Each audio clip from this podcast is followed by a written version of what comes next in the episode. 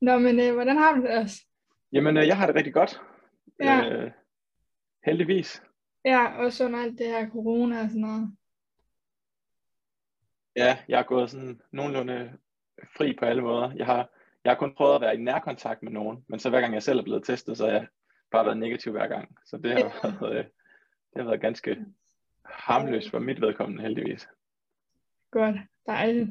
Vi har også faktisk haft nogen i min klasse, der sådan har været, eller da, i dag, da jeg mødte, der var der nogen, der var på virtuel, fordi at de så var enten nærkontakt eller selv var smittet. Så, men jeg har ikke været ramt endnu, så det er også dejligt. Ja, velkommen til, og tak fordi du være med i uh, bagom her.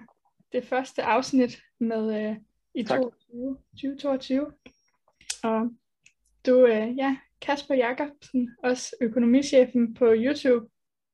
Og så har du, øh, du på YouTube, der går du under navnet Økonomichefen, hvor du har næsten 14.000 abonnementer, tre- 13.400 deromkring.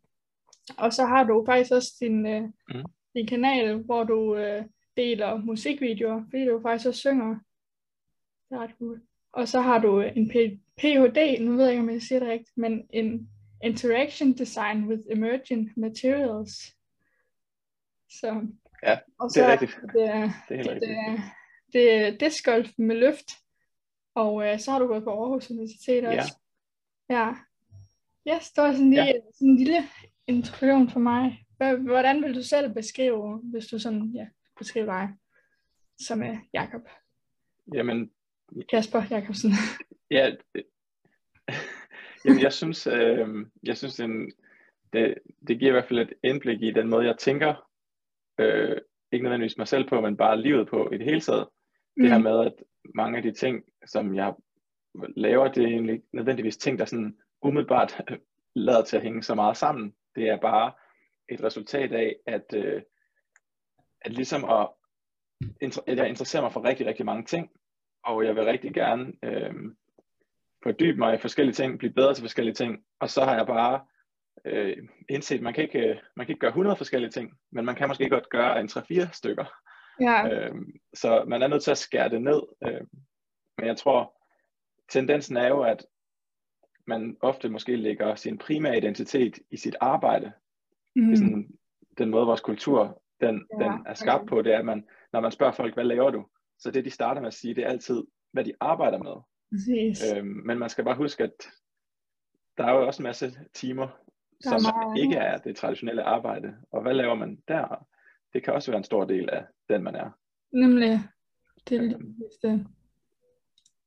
Det, det kender vi godt, altså det der, når folk sådan spørger, hvad man, hvad man sådan laver, går du på gymnasiet, eller ja, bare generelt, hvad man laver, det er sådan, jamen jeg laver det her, men så resten af tiden, der har jeg også en masse ting, jeg godt kan lide at lave. og sådan. Ja, Ja, hvad vil du høre om, agtigt? Sådan, øhm, ja, jamen så det sidste stykke tid, der har du også rigtig meget arbejdet med det her løft, de her discgolf, hvor at øh, du sammen med Ja. to andre har arbejdet på det i længere tid, og det er sådan, er det ikke næsten et år siden nu? Februar sidste år er det, ja vi, vi startede Løftdisks virksomheden i øh, august 2020. Ja. Og før det, der havde vi arbejdet på det et halvt til et helt års tid. Og det sprang faktisk ud af øh, Niels fra Løft. Han, han, han, øh, han lavede sit bachelorprojekt som maskiningeniør om øh, discgolf flyvebanesimuleringer. Så vi har simpelthen øh, startet ud med at tage udgangspunkt i, hans, i de ting, han fandt ud af i sit bachelorprojekt. ja, Og så, øh, og så begyndte vi så først at sælge øh, disks i januar 2021.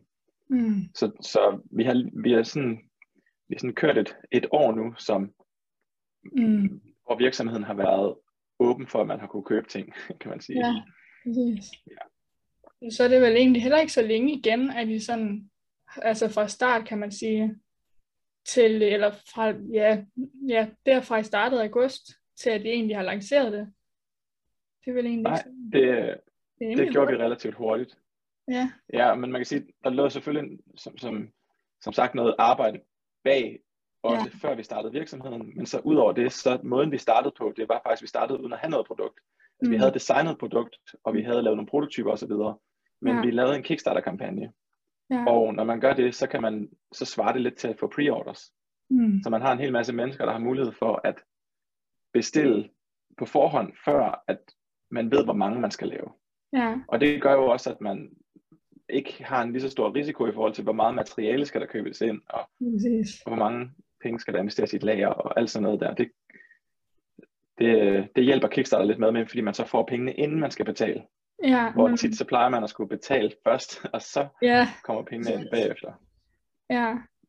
Det læste jeg faktisk også lidt om. Jeg så en artikel, hvor at jeg også nævnte, at de havde brugt den her Kickstarter, så tænkte jeg, det er da egentlig virkelig smart, fordi jeg har også nogle gange set, eller der er en, jeg har fulgt på Instagram, og jeg har set, så laver hun, det så bare været inde på Instagram, at så hun spurgt, hvor mange har sådan ligesom ønsket den her ting, men også på den samme måde, så har de så ikke betalt for, produ- for noget, men sådan det her med ligesom at vide, hvor stor interesse der er, før man begynder at lave det, det er ret smart. Ja, Det har jeg ikke tænkt på før. End jeg det er i set. hvert fald virkelig en, en fordel. Man kan så sige, fordelen ved det er større jo, jo flere man kan nå ud til. Mm. Øh, og der kan man sige, at vi var en helt ny virksomhed, så vi havde ikke rigtig nogen platform, øh, da vi lavede den første Kickstarter i januar 2021. Så, så det vi gjorde, det var, at vi sendte nogle prototyper ud til en masse influencers, Mm. som havde nogle platform inden for communityet. Mm. Og så, også, og så kunne vi også drage nytte af selv at være en del af communityet, og at communityet er relativt småt. Altså Ja. så, så man kan mund til mund gå hurtigt, når man sådan har sådan nogle mindre miljøer, øh, Yes. fordi de fleste i miljøet lige kender hinanden, og i hvert fald i, hvert fald i Mm. Danmark. Ja. Ved I så, hvor mange, eller hvor stor del af dem, som I øh, har fra de influencer, hvor stor del det er af jeres, øh, ja, af jer selv? Nej, jeg, jeg ved ikke præcis, hvor meget det er, fordi øhm, det er jo ikke nødvendigvis en til en på den måde, at når man ser øh, en YouTube-video, så kan det jo godt være, at man første gang man ser videoen, så, så tænker man ikke så meget over det. Så, så, så ser man det bare, fordi man synes, det er interessant. Ja. Og så kan det være tre dage senere, så kommer man i tanke om, ej, det var da, det var da egentlig fedt nok, det jeg lige så i den der video.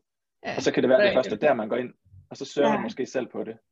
Ja, Så, øhm, så nogle gange så fungerer sådan noget advertising, det fungerer ikke altid en til en. Der er nogle gange, hvor man simpelthen, hvor det godt nogle gange kan betale sig at bare at få spredt ordet ud, og så, øh, og så har man ligesom, så kan man få folk ind over tid. Ja, præcis.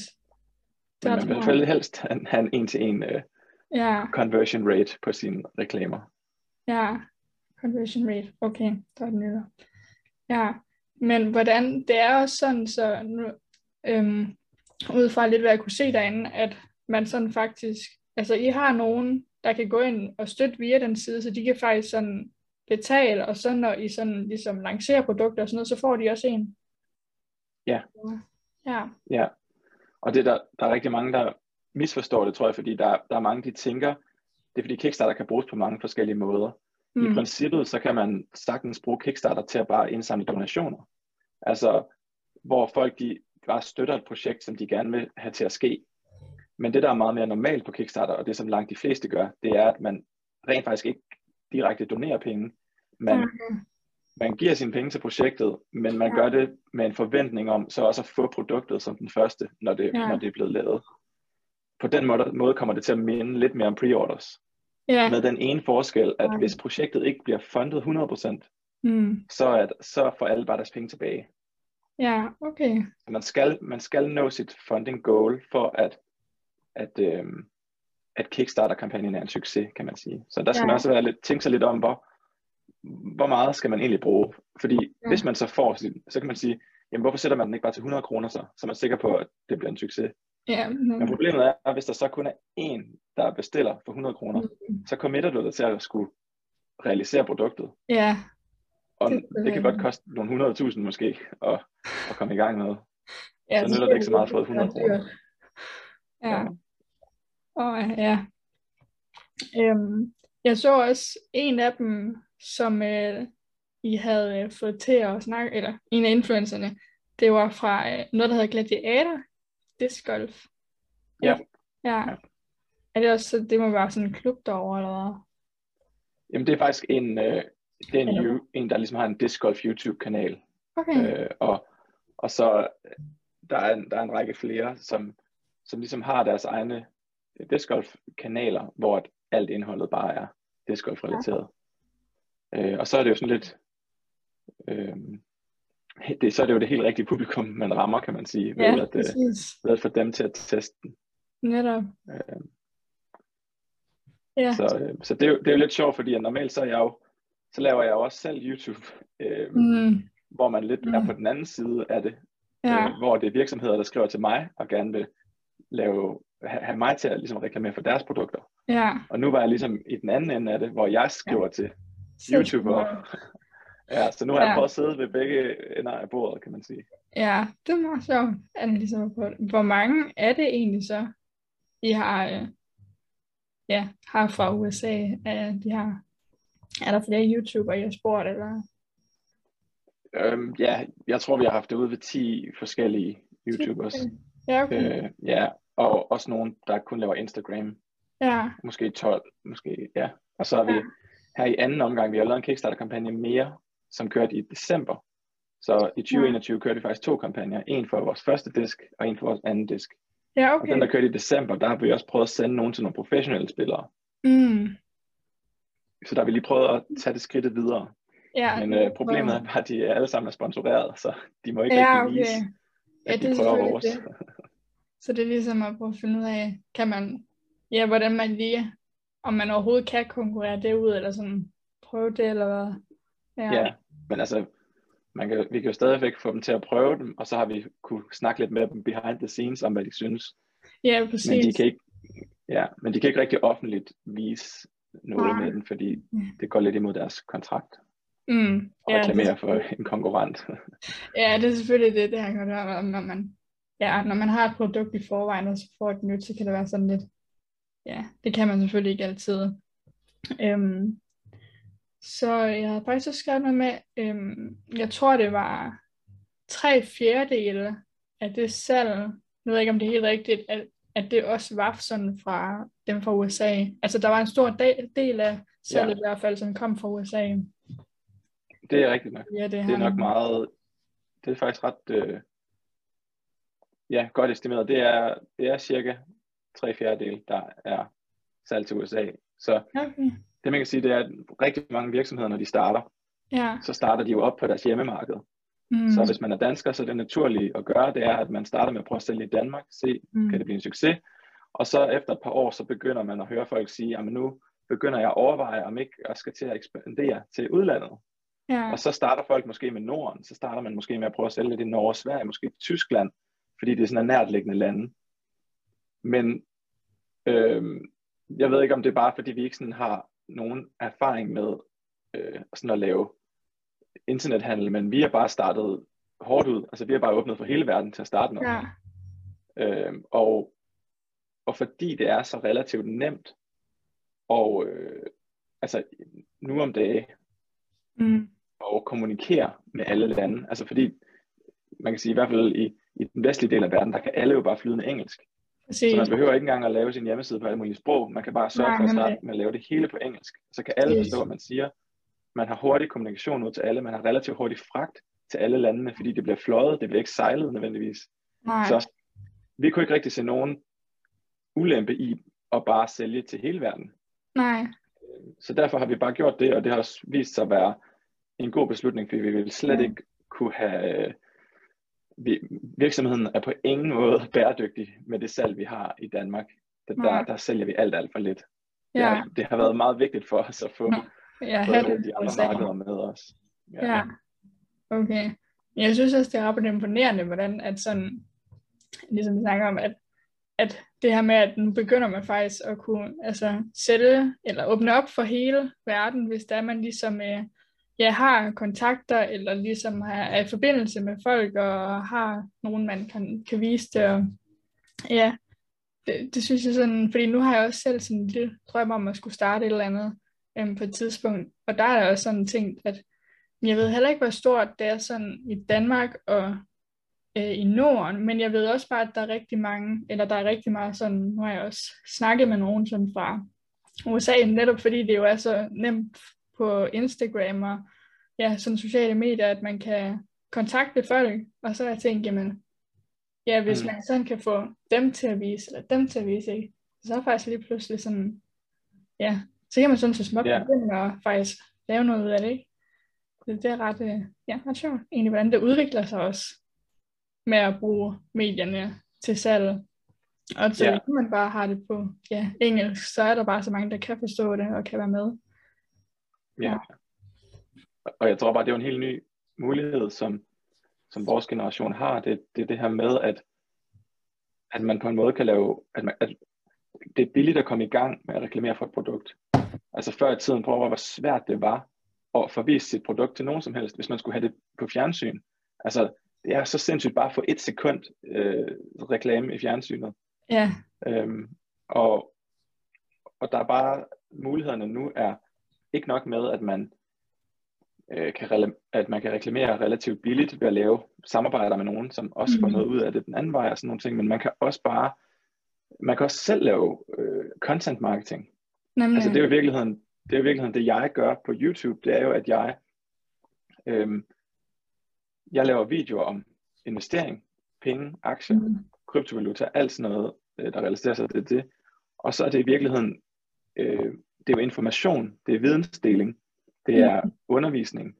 Det er, en, på, en, det, er en, måde- det er på en måde en, øh, en, øh, en konkurrent til, til, til skolesystemet, Ja, bare inden for et specifikt emne på en eller anden måde. Fordi Ja, skolesystemet ikke rigtig lærer folk om det emne, så er der et kæmpe hul præcis. til at gå ind der, og så, og så alle dem, der er interesseret i det, de har ikke rigtig haft så gode muligheder måske for at finde ud af det igennem deres barndom og ungdom, og så giver man en mulighed for det.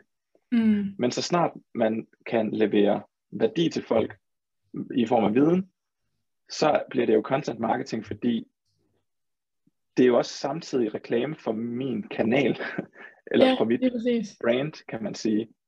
Så ved at jeg giver det viden ud, så opbygger jeg så også et publikum. Og Mhm. det at opbygge et publikum, det kan man sige, det er jo, hvorfor skulle det have nogen værdi? Det er, der lige, altså, er det ikke lige meget, om der er 1000, der kigger med, eller 10.000, der kigger med?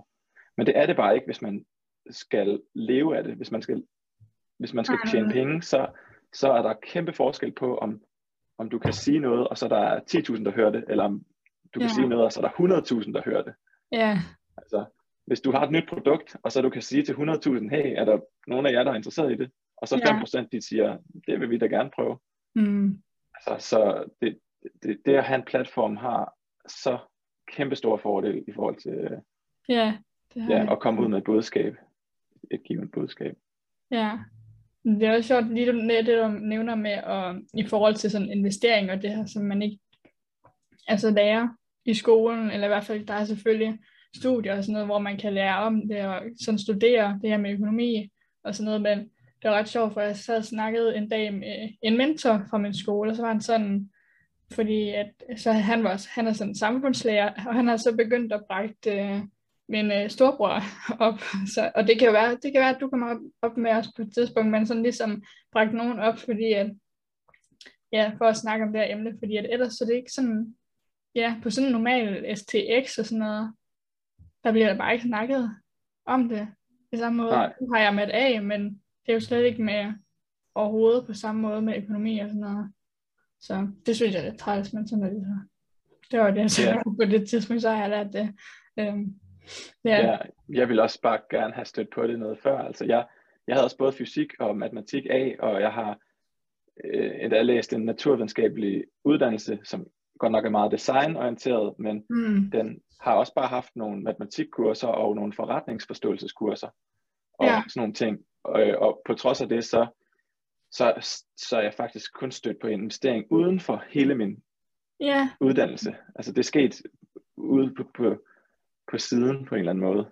Ja. Øhm, og der kunne man da sige, at kunne ikke bare være stødt på det 10 år tidligere, det havde da været, været endnu det, er federe. præcis. det ville man bare have ønsket, at man havde vidst om det noget før. Øhm, Ja. det ville. Men hvornår startede du egentlig sådan på, øh, kom du på, øh, hvad hedder det, gymnasiet direkte efter folkeskolen eller hvad? Ja, det gjorde jeg. Okay, Jeg var bare på almen gymnasium efter, direkte efter folkeskolen. ja, Så, øh, så havde jeg dengang, øh, havde vi, vi var nogle af de første, som havde sådan nogle studieretninger, i stedet for Ah. kun at være matematisk sproglig. ja, Så det er så lang tid siden, at Men Ja. jeg nåede lige at være med på den nye bølge med studieretninger, og kunne Ja. vælge sådan en naturvidenskabeligt orienteret øh, studieretning. Nå, altså det der, hvor man faktisk starter de der tre måneder, er det det, du tænker på? Eller bare Nej, sådan det var mere noget med, det er mere bare noget med, at man, man har, havde mange flere valgmuligheder, eller mu- mu- muligheder for at specificere, hvilke slags Ah. fag man gerne vil have, okay. end man havde før min årgang. Ja, okay. Så, så bagefter så havde jeg to sabbatår. Mm. Et, hvor jeg arbejdede og tjente penge og spillede poker i øvrigt.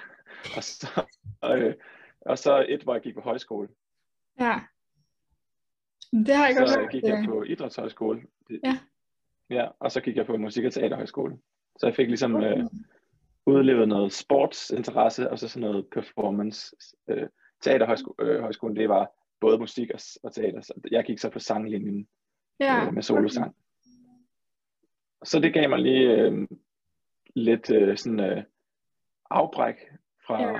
skolesystemet, og da jeg så havde gjort det, så begyndte jeg at få lyst til at noget, noget mere øh, Ja. intellektuelt igen. Mm. Og så var det, jeg begyndte at tænke, okay, hvad, nu, nu, hvis, nu skal jeg finde ud af, hvad jeg så gerne vil studere. Ja. Øh, Ja, så har du også lige nået sådan rimelig godt rundt om sådan nogle forskellige ting faktisk, sådan inden du er, har begyndt at studere igen. Det er Ja. fedt. Sådan højskole. Og så, det var så, jeg lavede sådan en sport, der hedder trigging, som er sådan noget akrobatik, hvor man laver saltoer og spark i luften. Ja. Sådan, det er meningen, det hele skal foregå i luften. Ja. Øh, man er nødt til at lande ind imellem selvfølgelig. Mm. Men jeg flyttede egentlig til Aarhus, fordi de havde en god hal at træne det i. ja. Og så tænkte jeg bare, hvis jeg flytter til Aarhus, så kan jeg træne i den hal, og så skal jeg bare finde en eller anden uddannelse, som jeg synes lyder spændende. så, Ja. øhm, og så prøvede jeg bare at se, hvad de havde af uddannelser, og så fandt jeg så sådan en, der hed IT-produktudvikling, som Ja. var en, en slags opfinderuddannelse, kan man lidt sige. Det var sådan, at den blev brandet i hvert fald. At det var Okay. noget med at øh, udvikle, designe og udvikle nye produkter Mm. med teknologi i, Mm. med en eller anden form for øh, ja, connection til en computer. Ja. Okay. Spændende. Men hvordan, hvad lavede du så, da du øh, det første år som sabbatår, der sagde du, du havde sådan arbejdet. Var det så inden for, eller var det bare fritidsjob, eller hvordan sådan? Der, ja, der arbejdede jeg for Post Danmark. Ja. Der sorterede jeg maxibrev på en postcentral. Okay. Så det var sådan noget med at stå, det var sådan noget med at stå ved et øh, rullebånd, og så Ja. kommer der maxibrev kørende hen, og så er det bare at tage dem, og så kaste dem ud i det postnummer, de passer i. Ja, okay. Og så står man bare og gør det i, øh, i 5, 6, 7 timer. Okay. Så, så, det, så det var ikke sådan øh, synderligt spændende arbejde. Nej. Øh, Det var primært, øh, jeg var sådan et sted i mit liv, hvor jeg ikke rigtig, øh, jeg, jeg ville egentlig gerne bare tjene nogle penge, Mm. og sådan at jeg kunne komme på højskole. Ja, Jeg, øh, jeg, jeg ville gerne spare op til at kunne komme på højskole. ja, Så jeg skulle finde et eller andet at gøre, og så lå der sådan et postpakkecenter tæt på, hvor vi boede. ja. Og jeg tror, hvis jeg havde været lidt mere, altså hvis jeg havde vidst nogle af de ting, jeg ved i dag, Mm. dengang, så tror jeg måske, at jeg havde, øh, så havde jeg været der i kortere tid, og så Okay. havde jeg, så havde jeg gjort nogle, nogle andre ting også. Altså, jeg var, jeg, jeg gjorde noget ved siden af, jeg, jeg arbejdede, al den tid jeg ikke arbejdede, der spillede jeg poker på internettet, Mm. øhm, så jeg, der tjente jeg så flere penge, så jeg, så jeg arbejdede på en måde også, når jeg ikke arbejdede. Ja, Men målet var ligesom, øh, sådan en øh, side hustle Ja, så det var sådan det der med at være, jeg var lidt, øh, jeg var optaget af den der tanke om at sidde og tjene penge hjemmefra. Sådan, Ja. At man kunne, at man kunne bruge sin computer og sidde derhjemme, og så rent faktisk tjene penge online. Ja, Øh, og så var jeg bare ikke mere, øh, så var jeg bare så fascineret lige præcis af, af poker, fordi det var, sp- det var sådan lidt en, det er sådan en slags øh, meget konkret challenge. Det er bare Ja. et spørgsmål om, hvis du kan gennemskue det her system matematisk og Ja. strategisk, så tjener du lige så langsomt penge ved at Mm. tage de rigtige beslutninger. ja, Øhm, men det er ikke så det er ikke så kreativt. Det er meget bare, men det kan man godt. altså, det, er, det, er en meget, det er mere sådan, øh, det er noget med at gennemskue et system, Ja, det er det nemlig. og, og, og så lære at, at ikke at handle på sine følelser, men at handle på Ja. det, man ved, man, man bør Det gøre. er så rigtigt. Så der er sådan lige en investering ind i det. Ja, så, så hvis jeg bare havde altså det, det er sjovt at se tilbage på dengang, øh, Ja. hvor, hvor mange ting, der går igen i aktieinvestering. Ja. Men jeg, altså mit billede af aktieinvestering dengang, det var, at det var bare sådan noget for rige mennesker. Altså man skulle have, Ja. man skulle have mange penge, og jeg, jeg, tro- jeg troede også, det var for gamle mennesker. Altså, Mm. jeg troede slet ikke, det var for unge. Nej. Øhm, så, og, og vi havde ikke rigtig særlig mange penge. Det var bare, så på den måde, så var jeg bare slet ikke i den verden. Jeg havde slet ikke, Nej. øh, det, var, det var langt senere, det gik op for mig, at man slet ikke behøvede at have mange penge for at starte med at investere. Det Ja. Kunne man, jeg, kunne, bare- jeg kunne bare have gjort det dengang. Jeg vidste det Ja. bare ikke. Præcis. Men sådan var jeg også. Sådan tænkte jeg også i starten, da min storebror begyndte at snakke om, så var jeg sådan, altså det jeg forestillede mig, det var også bare sådan, nogle af de rige mennesker, man nu hører om, at det var ligesom dem, og så var det sådan lidt æl- ældre mænd, og sådan, ja, det var det billede, jeg havde af det, men så fandt jeg ud af, Ja. det er faktisk for alle. Man kan godt.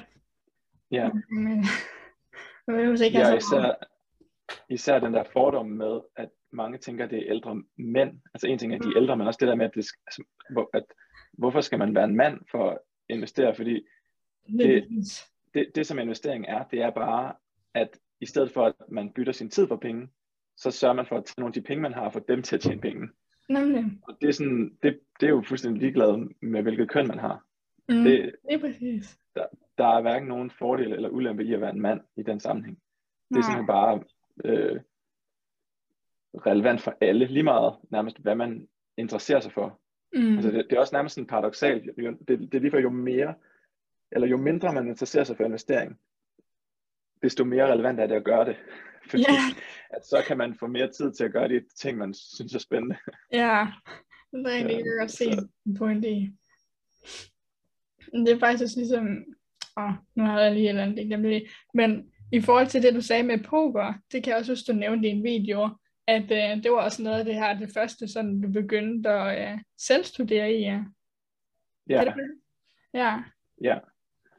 Jeg brugte et år inden, øh, det er fordi man må først spille poker, når man fylder 18. ah ja. Og, da jeg Nå, ja, gik, og det var jeg ikke, ja, det var jeg ikke helt på det tidspunkt, så jeg, jeg havde lidt år inden, hvor jeg, øh, hvor jeg studerede det selv, altså hvor jeg bare, jeg købte alle de bøger, jeg kunne få fat i, og Ja. ja. signede mig op og så en online kurser og sådan noget, Mm. for at prøve at lære øh, det. Og, og det der så skete, det var, at jeg, den, da jeg så første gang fik mulighed for at spille, Ja, så havde jeg faktisk et helt års træning, sådan rent teoretisk, nemlig. så jeg vandt bare fra starten af. Jeg havde ikke rigtig nogen Foran. Ja, jeg var ligesom, øh, jeg havde ikke de der Eller dumme fald. som man måske normalt Nej, ville have. præcis. Det kan man kalde det. Mm. Så, men til gengæld så fordi, at det havde været så stort et mål for mig at komme til at vinde, altså det er jo sådan lidt menneskets, øh, Ja, øh, øh, sådan, øh, hvad kan man kalde det, ironiske øh, natur, det er, at det er udfordringen, der er den interessante. ja, Det er ikke resultatet. Og så snart det gik op for mig, at nu kunne jeg vinde i det, og jeg, så, Mhm. så var det ligesom bare et spørgsmål om at sætte sig hver dag, og så gøre de samme ting igen og igen. ja. Og så begyndte det jo at minde lidt mere om det der med at sortere post igen. Altså, Ja. bare, det, det blev lidt ligesom at stå og kaste pakkerne ud i hullerne med, at der var ikke noget kreativt, det var bare at gentage bare de samme ting. Ja, så, ja, det så derfor mistede jeg hurtigt interessen igen, fordi det på en eller anden måde øh, lykkedes lidt for hurtigt. Og, øh, Ja, okay. eller, jeg, jeg, så, jeg, altså det er, ikke, det er ikke for beklage mig over Nej. det, det er selvfølgelig fedt, at det lykkes hurtigt. Ja, ja, men det er sjovt, du siger, men det er ligesom det der med, at, ja, at jo mere man sådan, øh, ja, jo hurtigere man lykkes, jo mere, eller sådan på kortere tid, at så bliver man sådan mindre og mindre begejstret over det måske. Ja. Er det sådan det? Jeg tror virkelig, nogle af de ting, jeg har vil, altså jeg har drømt om allermest i mit liv, det har altid været de der ting, hvor jeg har haft sindssygt svært ved det. Ja, Altså jeg har haft sådan nogle øh, i, i tricking, som er den sport, øh, jeg snakkede om før, med de der saltoer og de der ting. ja, Der er der, der, er der et trick, der, hed- man kalder det tricks, de her bevægelser. Der er et trick, der hedder en double B-twist. mm, Det er, hvor man hopper op i luften, ja, vandret med kroppen, så skal man dreje to gange rundt om sig selv, og så lande på jorden igen. ja, Og det, det trick, det, det drømte jeg så meget om at lande, at jeg trænede på det i 10 år. Og Ja. så landede jeg det til sidst. Og jeg har kun landet Ja. det tre gange nogensinde. ja, okay. Men jeg, jeg, jeg, øvede på, jeg øvede og øvede og øvede alle mulige ud i sandkasser og ned i springkrav og alt muligt. Ja, Og okay. Den der følelse af at lande noget, efter at, det har, at, man har, at man har kæmpet for det i lang tid, Præcis. det er, altså det, er- det er bare som om det er, det har meget mere værdi, øh, selvom at, altså det er underligt, fordi det er jo det samme, det er det samme trick, men hvis Ja. jeg nu havde lært det efter et år, så havde det måske ikke føltes lige så specielt. Nej, han har brugt så lang tid på det. Altså, ja, så meget længere tid. Ja. Det er sjovt, fordi jeg har også lige læst en bog, nemlig, som hedder, jeg ved ikke, om du har læst den, eller har hørt om den, Stumbling on Happiness, øhm, hvor han Nej, også snakker er- mange om sådan nogle ting, ja, med det her med, altså hvorfor vi bliver glade for nogle ting i forhold til nogle andre ting, og sådan, hvorfor det der betyder så meget, hvor lang tid der er Mm. gået, eller at det er sket flere gange, eller sådan noget. Det er ret sjovt at tænke over egentlig. Eller sådan, ja, Ja, man bliver lige pludselig sådan mere opmærksom på, Nå, det er derfor-agtigt. ja. Altså, Og jeg tror bare, at øhm, altså jeg tror ikke nødvendigvis målet handler om at blive glad. Jeg tror, det handler om at gøre ting, som man kan mærke, man tror vil gøre en forskel, eller skabe Mm. værdi, eller på en eller anden måde give mening på sådan dybere liggende niveau. Fordi Præcis. problemet med at gøre ting, hvis man, hvis man gør ting, der bare gør en glad, så, jamen altså, så kan man jo bare se Netflix hele dagen, og man kan jo bare, altså, man kan meget hurtigt bruge et helt år, og så når man har lavet det, været, brugt det år på at gøre alle mulige sådan hedoniske ting, så kigger man tilbage, og så tror jeg, at rigtig mange mennesker, de ville ønske, at de havde gjort, at de havde lagt nogle flere kræfter i nogle lidt mere langsigtede projekter, Mm. som ikke bare var overstået i løbet af en enkelt aften eller sådan noget, men hvor man ligesom kan investere sig selv lidt dybere og lidt mere, øh, hvor det også kræver nogle offringer at Ja, komme frem til nemlig. Det er lige præcis det også. resultat. et eller andet sted. Fordi det er jo sjovt, det her, altså, at det er jo også, fordi der er ja, generelt mange ting, der kan gøre en glad, men sådan det her med, når man ligesom, ja, noget udfordrende, eller ja, ting, som du selv siger, at det er et eller andet sted, det der sådan giver mere mening, og så er det nødvendigvis ikke det, der sådan gør sig glad, men sådan det, at de faktisk, ja, at det alligevel har en større betydning på en eller anden måde. Ja, Det, og jeg mener også, der er et eller andet med, at, øh, at forventningens glæde, den er lokaliseret et andet sted i hjernen, end Mhm. tilfredsstillelsens glæde er. Ja. Så, så, så det her med at vinde i lotto, og så pludselig har du øh, øh, 200 millioner på en konto, ja, det er, det er den der tilfredsstillelsesglæde, det er eufori, og man er helt Ja. oppe at køre, og "Hvad? jeg vandt fuldstændig usandsynligt, nu har jeg alle de her penge. ja, Og så, så best case, det er, at man seks måneder senere synes, det hele er sådan lidt, man har vendet sig til det hele. Det er Ja. best case. Og worst case, det er, at øhm, ens venskaber og alt muligt er gået i stykker, fordi folk er Mm. blevet misundelige på, at man tilfældigvis pludselig havde 200 millioner, og man kunne ikke selv finde ud af at fordele dem ud på en måde, hvor folk synes, de blev færre behandlet. Jeg Ja. hørte om sådan et britisk par, hvor det var sådan noget med, de købte et hus til deres ene vennepar, og Ja. et hus til deres andet vennepar. Ja, Og det hele, det, det endte i, at det ene vennepar blev sur på de andre, fordi de havde fået et større hus end dem. ja, okay. Og så er det sådan, jamen, I, I har begge to fået et gratis hus. Hvorfor, er Ja. du, hvorfor er du ikke bare glad for, at du har fået et gratis hus? Nu er du sur over, at de Ja, andre har et større hus præcis. Det, er, Det er sådan, øh, han. man kan Ja. aldrig få nok, hvis man tænker på den måde der. Nej, nemlig, det hører jeg så ikke det. Det er Og sted. der, øh, der er der bare noget med forventningens glæde. Den er lokaliseret et andet sted, og den går ikke over lige så hurtigt.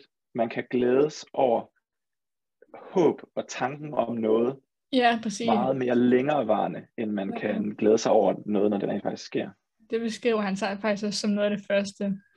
Det her med, hvor meget vi sådan ofte ser frem til noget, og ikke, når vi sådan måske nogle gange glemmer faktisk at sådan leve i nu- nuet, men så vi ser for meget frem til noget, så er der også al den glæde, vi når at have indtil da, og indtil det faktisk sker. Og så når det så sker, så er det ikke engang sikkert, det er det, vi tænker måske, at der ville ske. Ja. Ja, det er sjovt. Ja, det er virkelig sådan en, øh, det er virkelig også en klassisk fælde.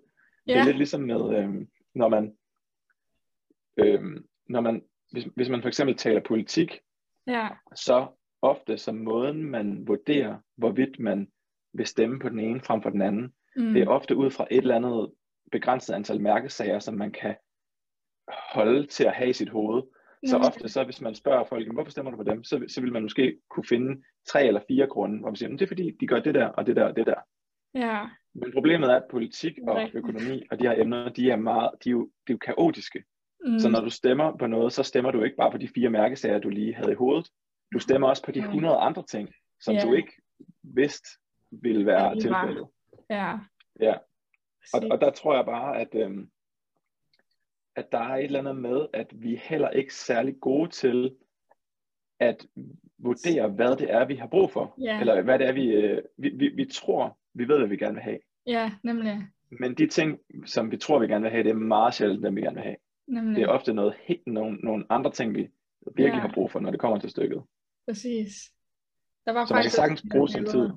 Ja, Og hvad for noget siger du? der var faktisk også det der, nu har du nævnt det der, nemlig med, at de sidder to forskellige steder, de der og det var der også et billede med, nemlig i bogen, så det kom jeg også bare lige i tanke om, at Okay, jeg havde han haft nævnt på et tidspunkt. Øh, Ja, så Ja. Også, ja, så ja, det er virkelig sådan, nogle gange sådan, sådan lidt mindblowing nogle gange, når man sådan finder ud af sådan nogle ting, eller ja, bare bliver klogere på det, tænker okay, hold da. det er det virkelig. Jeg tror- jeg synes, det er- er bare en. Det er sådan en eller anden erkendelse af, at man faktisk kender sig selv meget, meget dårligere, end man tror. Ja, Fordi et eller andet sted, så er det jo, så får vi jo en masse signaler fra vores hjerner, som Mhm. producerer nogle, der er nogle forskellige stoffer i nogle forskellige mængder, og ja. det får os til at føle på bestemte måder, og, Mm. og det der er for eksempel underligt, det er sådan noget som, øh, altså stofmisbrugere, de, Mm. øh, de, når de tager kokain, Mm. så det, så det, øh, det, der er selvfølgelig- selvfølgelig mange stoffer, men dem, der bruger kokain, det som kokain gør, det er, at det får hjernen til at føle, at ting giver mening, og at de er værd at gøre. Så, så man får en følelse af, at det, man er i gang med lige nu, det er meningsfuldt, og det, det er fedt, og det, det, det, det er simpelthen det her, det er det værd. Okay. Men problemet er, at det lukker ned for koblingen mellem værdiskabelsen og følelsen. ja. Så det vil sige, at du kan lave noget fuldstændig ubrugeligt, noget der er ubrugeligt for dig selv i morgen, og ubrugeligt for alle andre. mm. Og, øhm, så det, er sådan, det går kunstigt, den hijacker den der, ja, øhm, det, og, og der, det vil man gerne skabe naturligt i stedet for, ja. og det kan man, det kan man sagtens skabe naturligt. Øhm, ikke lige så ekstremt, som, som stoffer gør det, Nej. men det der med, at når, når man føler, at når man, når man, alle de tidspunkter i livet, hvor man spørger, hvad er meningen med livet, Mm. det er, al, det er altid i retrospektiv. Det er der, hvor man sidder og reflekterer. Det er aldrig, hvor man er engageret i en aktivitet. Nej, Altså, det er virkelig få, der har spillet. Hvis man er ude og spille en fodboldkamp, så løber man ikke og tænker på, hvad er meningen med livet. nej, det tror jeg ikke, jeg har tænkt en eneste gang. Nej. Fordi man er engaged i Ja, den situation, man er i. ja, nemlig. Så, så, så jeg tror, at den bedste løsning, det er, så snart man tænker, hvad er meningen med livet, så skal man, begy- så skal man gå i gang med noget. Ja, Så skal man engagere sig i et eller andet. ja. Det er faktisk... Fordi så kommer svaret. Det, Ja. det, svaret emerger Ja, igennem det er rigtigt. aktivitet. Nemlig. Det er lidt ligesom, når nogen, altså når man siger det der med, hvis man mangler motivation til et eller andet, at øh, så skal man ikke altid vente på, at den kommer, men man skal også bare gå i gang, fordi så kommer det. Mm. Det er jo kraften Ja. det der. At når man først Det- går i gang, jamen så, okay, så er det ligesom, det er, at man Ja. lærer så meget også. Jeg lavede musik i mange år. Jeg laver stadigvæk også musik, øh, Ja. men ikke ligesom, ikke ligesom mange procent af min tid, som jeg gjorde på et tidspunkt. Nej, Men det, det, der også bare gik op for mig der, det var, at problemet er, hvis jeg altid, hvis jeg ventede på, at min motivation kom, mm, så skrev jeg måske en ny sang en gang hver tredje måned. ja, Fordi det er en stor proces at skrive en sang. Ja. Man skriver en sang, man indspiller en sang, man finder på en melodi, man optager Ja. en musikvideo, man, der er en masse ting i det, som kræver en masse tanker og handling og arbejde. mm, Og, og det naturlige for mig, jeg fandt, det jeg bare fandt ud af, det var, jamen hvis jeg venter på, at motivationen kommer tilbage, efter jeg har gjort det, så går der for lang tid. ja, præcis. Så, øhm, så når jeg slet ikke derhen, hvor jeg vil. Jeg vil Nej. gerne lave meget mere. Så Nemlig. Det har jeg også fundet ud af. Også bare sådan ting som at læse bøger og sådan noget. Jamen nogle gange, så skal man ikke, man skal ikke vente, man skal gå i gang, ellers så, ja, ellers så løber tiden ja. nogle gange fra en, kan man nærmest sige. Det er virkelig rigtigt. Ja. Jeg fik, øh, jeg fik virkelig en lærerstreg, da jeg gik på idrætshøjskole. Ja. Fordi det var virkelig min, som, som jeg fortalte, at da jeg tog på idrætshøjskole, der var det for at få et afbræk fra, fra det at gå i skole. For Ja. ligesom at, det var egentlig lidt for at holde ferie på en måde. Ja, Altså, præcis. fordi jeg følte, jeg får bare lov at lave sport. Jeg får bare lov at lave Ja. alt muligt sport. Jeg skal ikke... Øh, øh, og, og så er der ikke nogen i samfundet, der spørger mig, sådan, der ser skævt til, hvad jeg laver, fordi det er sådan, det er jo socialt acceptabelt at gå på højskole. Så, så der var sådan et eller andet aspekt af det der. Ja. Øh, men det, der gik op for mig, det var så snart, at det var blevet min hverdag. Så snart jeg havde vendet mig til, at nu var det sådan.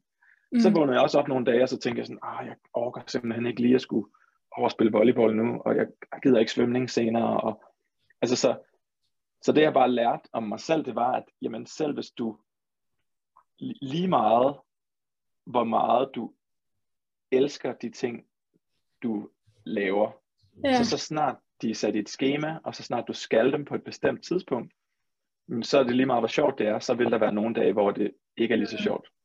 ja. Det vil bare, og, og, og der tænker jeg, okay, men hvis det kan blive sådan med, hvis det kan blive sådan med sport, som jeg altid bare har tænkt var ren fornøjelse, ja. så, øh, så kan det også bare, så, så, er det jo, så, så er det jo mig selv, jeg skal lave om. Så er det jo ikke omstændighederne, jeg skal lave om. ja. Så skal jeg lære at tænke herinde. bedre Ja. på. Ja, nemlig. Det er rigtigt nok. Det, er også, det har jeg også sådan tænkt over, det der med, at, at også da jeg var mindre, jamen, hvis man sådan skulle til fodbold eller sådan noget, så kan jeg huske nogle gange, jamen så, altså jeg elskede jo fodbold, men hvis der så, eller det var faktisk taekwondo også dengang, at så var det ligesom nogle gange min, min far, der hævde mig med i, øhm, Mm. hvis jeg sådan ikke havde lyst, til, så sagde han, "Nej, når først du er derude, jamen så er det også, så nyder du det. Men nogle gange det er sjovt, det der med, hvordan sådan, når ting er schema, og når det ikke er, også sådan lidt i forhold her til, til coronakrisen, og da alle lige pludselig var hjemme, så havde man sådan, ja, man havde en form for frihed, men alligevel ikke jo. Mm. Sådan, fordi der var ikke, altså, ja, for nogen, der var en schema i hvert fald lidt reddet væk måske, hvis man, ja, det var selvfølgelig forskelligt, men det her med, at, øh, Ja. ja, det er ret sjovt.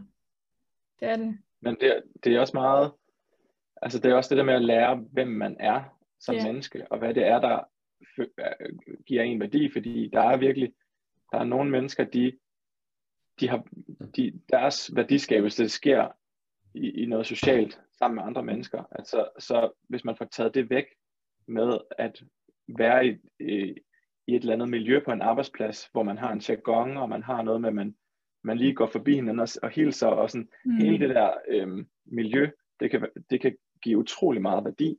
Ja, Øhm, og, så, og så er der andre, som er mere, øhm, altså for mit vedkommende har, har det jo ikke påvirket så meget, fordi altså for eksempel når man laver YouTube-videoer, ja, så det at være fanget derhjemme, uden at kunne Ja. komme ud og gøre alle de normale ting, det, det føles ikke lige så slemt, fordi det gør faktisk bare, at man har man får lavet en hel masse ja, af det det, er man, man får lavet en hel masse, øh, masse video, fordi at alt det, man har brug for, for at kunne lave det, det har man heldigvis til det er rigtigt. med, hjemme. Men der er bare rigtig mange andre ting, som jo ikke er på den måde, og hvor at, at man pludselig er, er derhjemme, og rigtig mange af de ting, man virkelig gerne vil lave, dem kan man ikke lave. Ja, nemlig, Øh. der er så mange. Ja. Altså det kan jeg jo huske, i starten, der havde jeg sådan, de første to uger, der havde jeg sådan, okay med det, det var rart at have fri. Eller sådan, ikke at skulle møde og skulle tage tidligt op og alle de der ting. Men så da der gik længere tid, så lige Mm. pludselig, så vidste jeg bare ikke, hvad jeg skulle gøre mig selv, fordi fodbold var lukket ned, og jeg kunne ikke sådan, alle de der hverdagsplaner, det var bare fuldstændig sparket væk under en. Øhm, så det, det havde jeg virkelig sådan svært ved, men så fandt jeg jo sådan ud af det, okay. Og så tror jeg også, jeg begyndte sådan at ja, bare komme lidt mere ud og løbe nogle ture, og så få noget frisk luft, fordi jeg tror også, så var der nogle dage, hvor jeg sad for meget inde, og bare sådan slet ikke kom ud, og fik, ja. Så der finder man også ud af at lære virkelig meget selv om, hvad man sådan, ja, ja, hvad man sådan har brug for, men også bare, hvad man, altså selvom man ikke lige tænker, at man, øh, ja, kunne havne i sådan en situation eller sådan noget, så er det bare, ja, Mm. wow.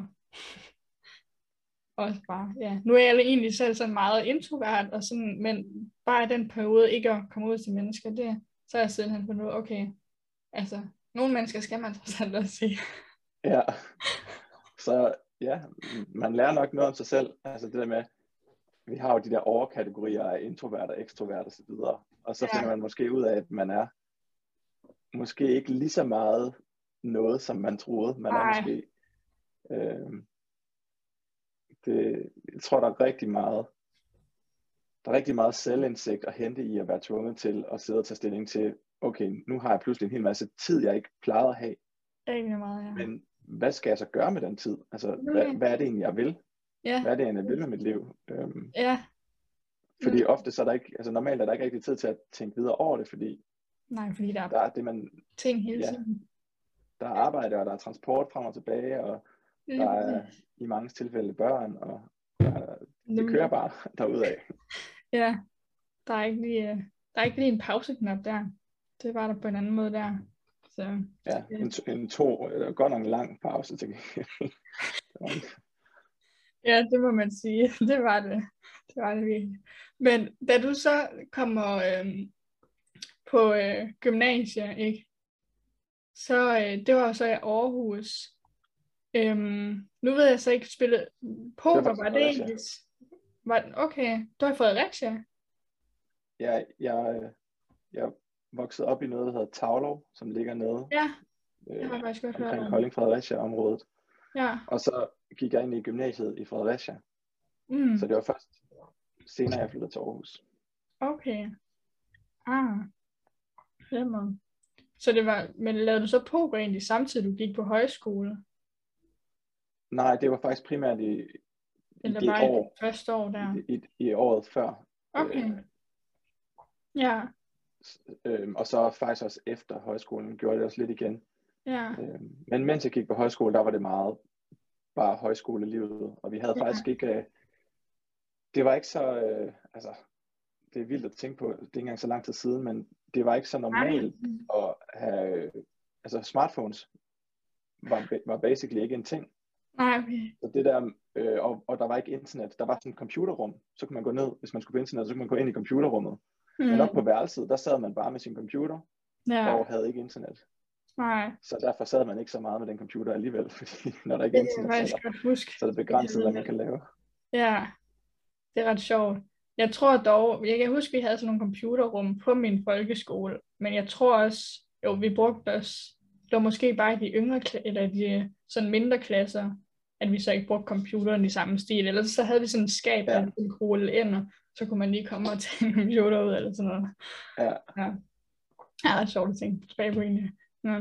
Men så, det, så er du egentlig taget på universitet direkte efter øhm, gymnasiet også?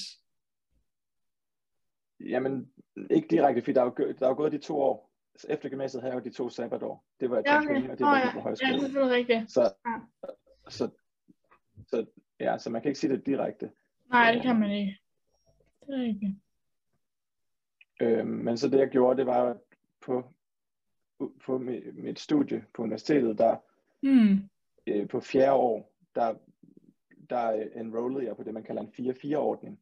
Ja, Og det er, hvor man påbegynder en PhD samtidig med, at man færdiggør sin kandidat.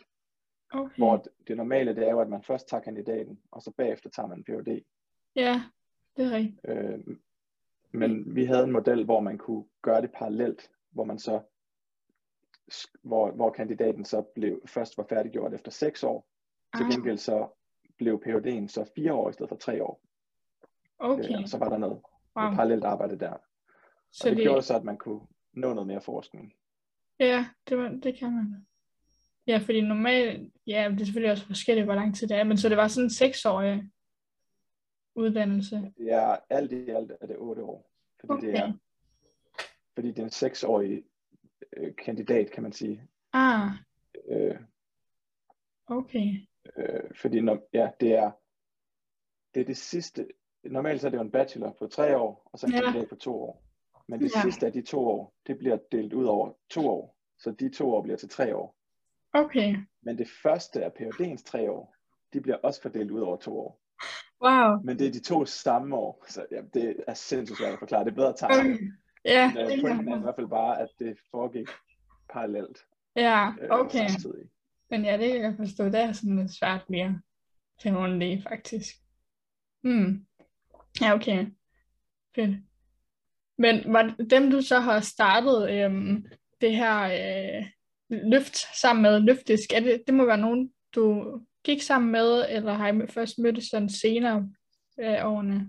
Jamen, de, jeg mødtes øh, på, på et eller andet tidspunkt igennem min studietid, men de er ikke fra mit studie. Jeg har, okay. jeg har lært dem at kende gennem mm. øh, det her, vi har det, det her tricking community af alle os, der dyrkede den der sport, som jeg talte ah. om før, den akrobatiske sport. Ja, det præcis. Der, øh, der har jeg egentlig lært de to, begge de to at kende igennem en af mine rigtig gode venner derfra. Ja. Øh, så, så på den måde er det ikke rigtig studierelateret. Den ene, han er, han er uddannet økonom okay, med speciale ja. i spilteori, og så den anden, han er maskiningeniør. Ja. Og så er der mig, som er IT-produktudvikler. Øh, så på den måde har vi, kommer vi med tre uddannelsesmæssigt forskellige ja. baggrunde. Okay. Hvilket er ret fedt, fordi altså det er øh, det, det er tit altså det er tit, det er også det de altid siger i, i forbindelse med startups, det er at at øh, en, en ting er ideen, men mm. en rigtig vigtig ting er også teamet. Det er simpelthen, mm. at man skal, man skal finde de rigtige mennesker og gøre det sammen med. Lige præcis. Ja. Både nogen, man har det godt med, men det skal også være, hvor at de kan noget, man ikke selv kan. Hvor at, Præcis. Ja. Øh, det der med, at man har nogle forskellige vinkler på nogle ting også og sådan noget. Ja. Ja. Øh, og, der, øh, og det kan man selvfølgelig også sagtens møde på sin egen uddannelse. Jeg ved også, der er mange fra min uddannelse, de har også startet startups. Øh, okay. Så det er jo typisk IT-startups.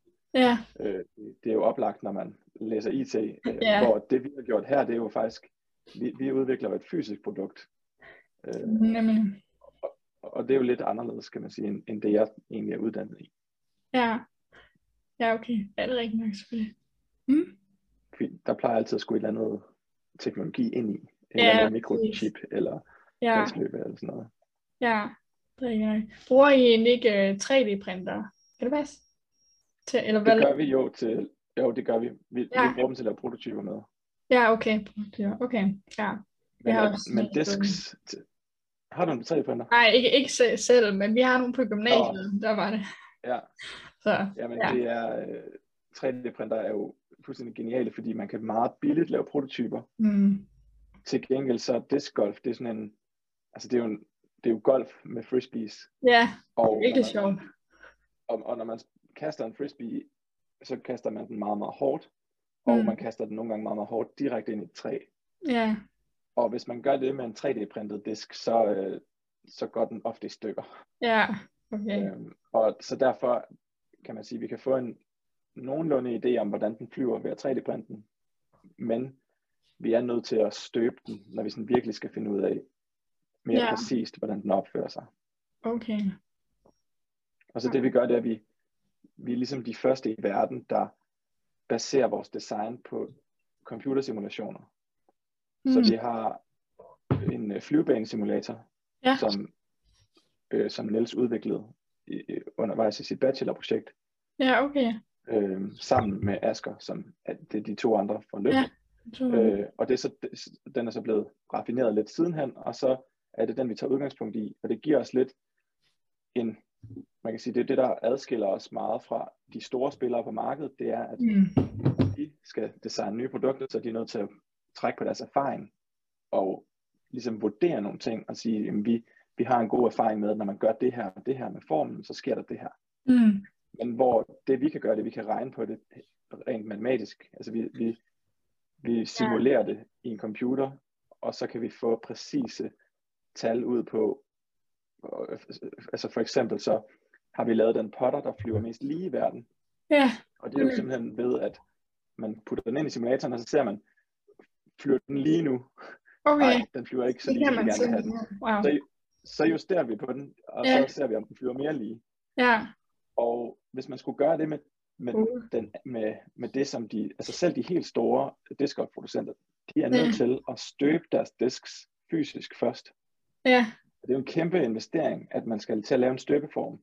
Ja. En støbeform, der er dyr, ja. øh, for at man bare kan prøve en enkelt form af. Mm. Og der er det meget billigere at få en computer til at prøve det af, inden man, inden man begynder Ja. at investere i, i, i den endelige form. Ja, præcis. Der er ligesom, ja, okay, det kunne godt. Det giver mening. Det gør det. Ja. Det, ja. Så skal jeg lige se, øhm, fordi du har jo faktisk også, hvis vi lige lige skal prøve at ja, springe lige sådan, nu har vi snakket lidt om sangen, men hvornår var det egentlig sådan, øhm, fordi du har også været med i X-Factor, øh, og det var faktisk Ja, på et tidspunkt med. Daniel, der fortalte mig, at du havde lige været Ja. med i sæsonen. Det Jeg var med ikke. i 2019. Ja, nemlig. Var det Ja. bare dig selv, der sådan, ja, deltog, eller var der nogen andre, der var det der? Jamen det var faktisk, øh, det var fordi i 2017, Ja. der blev, øh, der blev jeg kontaktet af TV2 i forbindelse med det program, der hedder Danmark har talent. Ja, Øh, og der havde, øh, det har vi sådan set stadigvæk, men det er ikke så aktivt, men vi har sådan et performance team, der hedder True Tricks.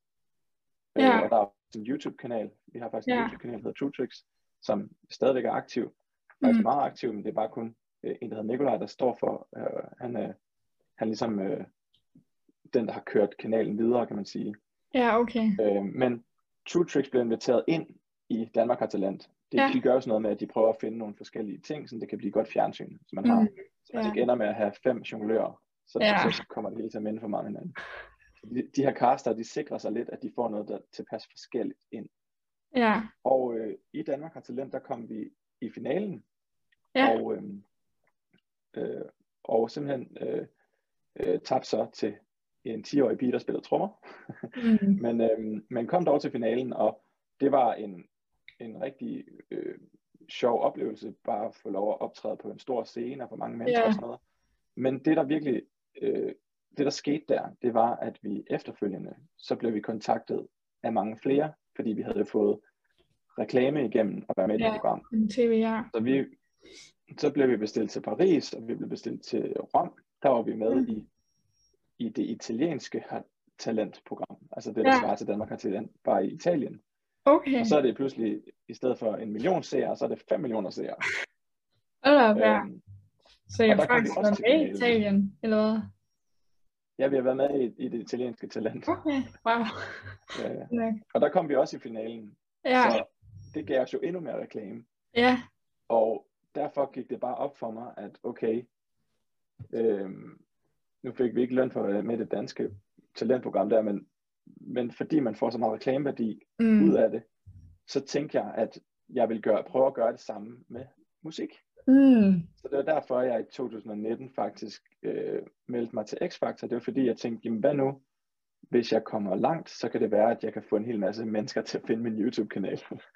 øh, så det var egentlig primært øh, den ting, men så også bare, altså, også bare oplevelsen i det. Fordi Det, det, det, der er lidt sjovt, det er jo det der med, jeg tænker det jo, jeg tænker det sådan, jeg tænker ikke særlig meget i identitet. Altså jeg tænker ikke så meget over, hvem jeg er, sådan Nej. identitetsmæssigt. Jeg tænker bare på, hvad synes jeg kunne være sjovt, Ja, hvad kan jeg godt lide at gøre, så, prøv, så prøv at gøre de ting. Og Ja. så gør jeg bare alle mulige ting. ja, Så er der tilfældigvis et tv-program, som passer til, altså min ene interesse var akrobatik, når det Mm. passede ind i det der talentprogram.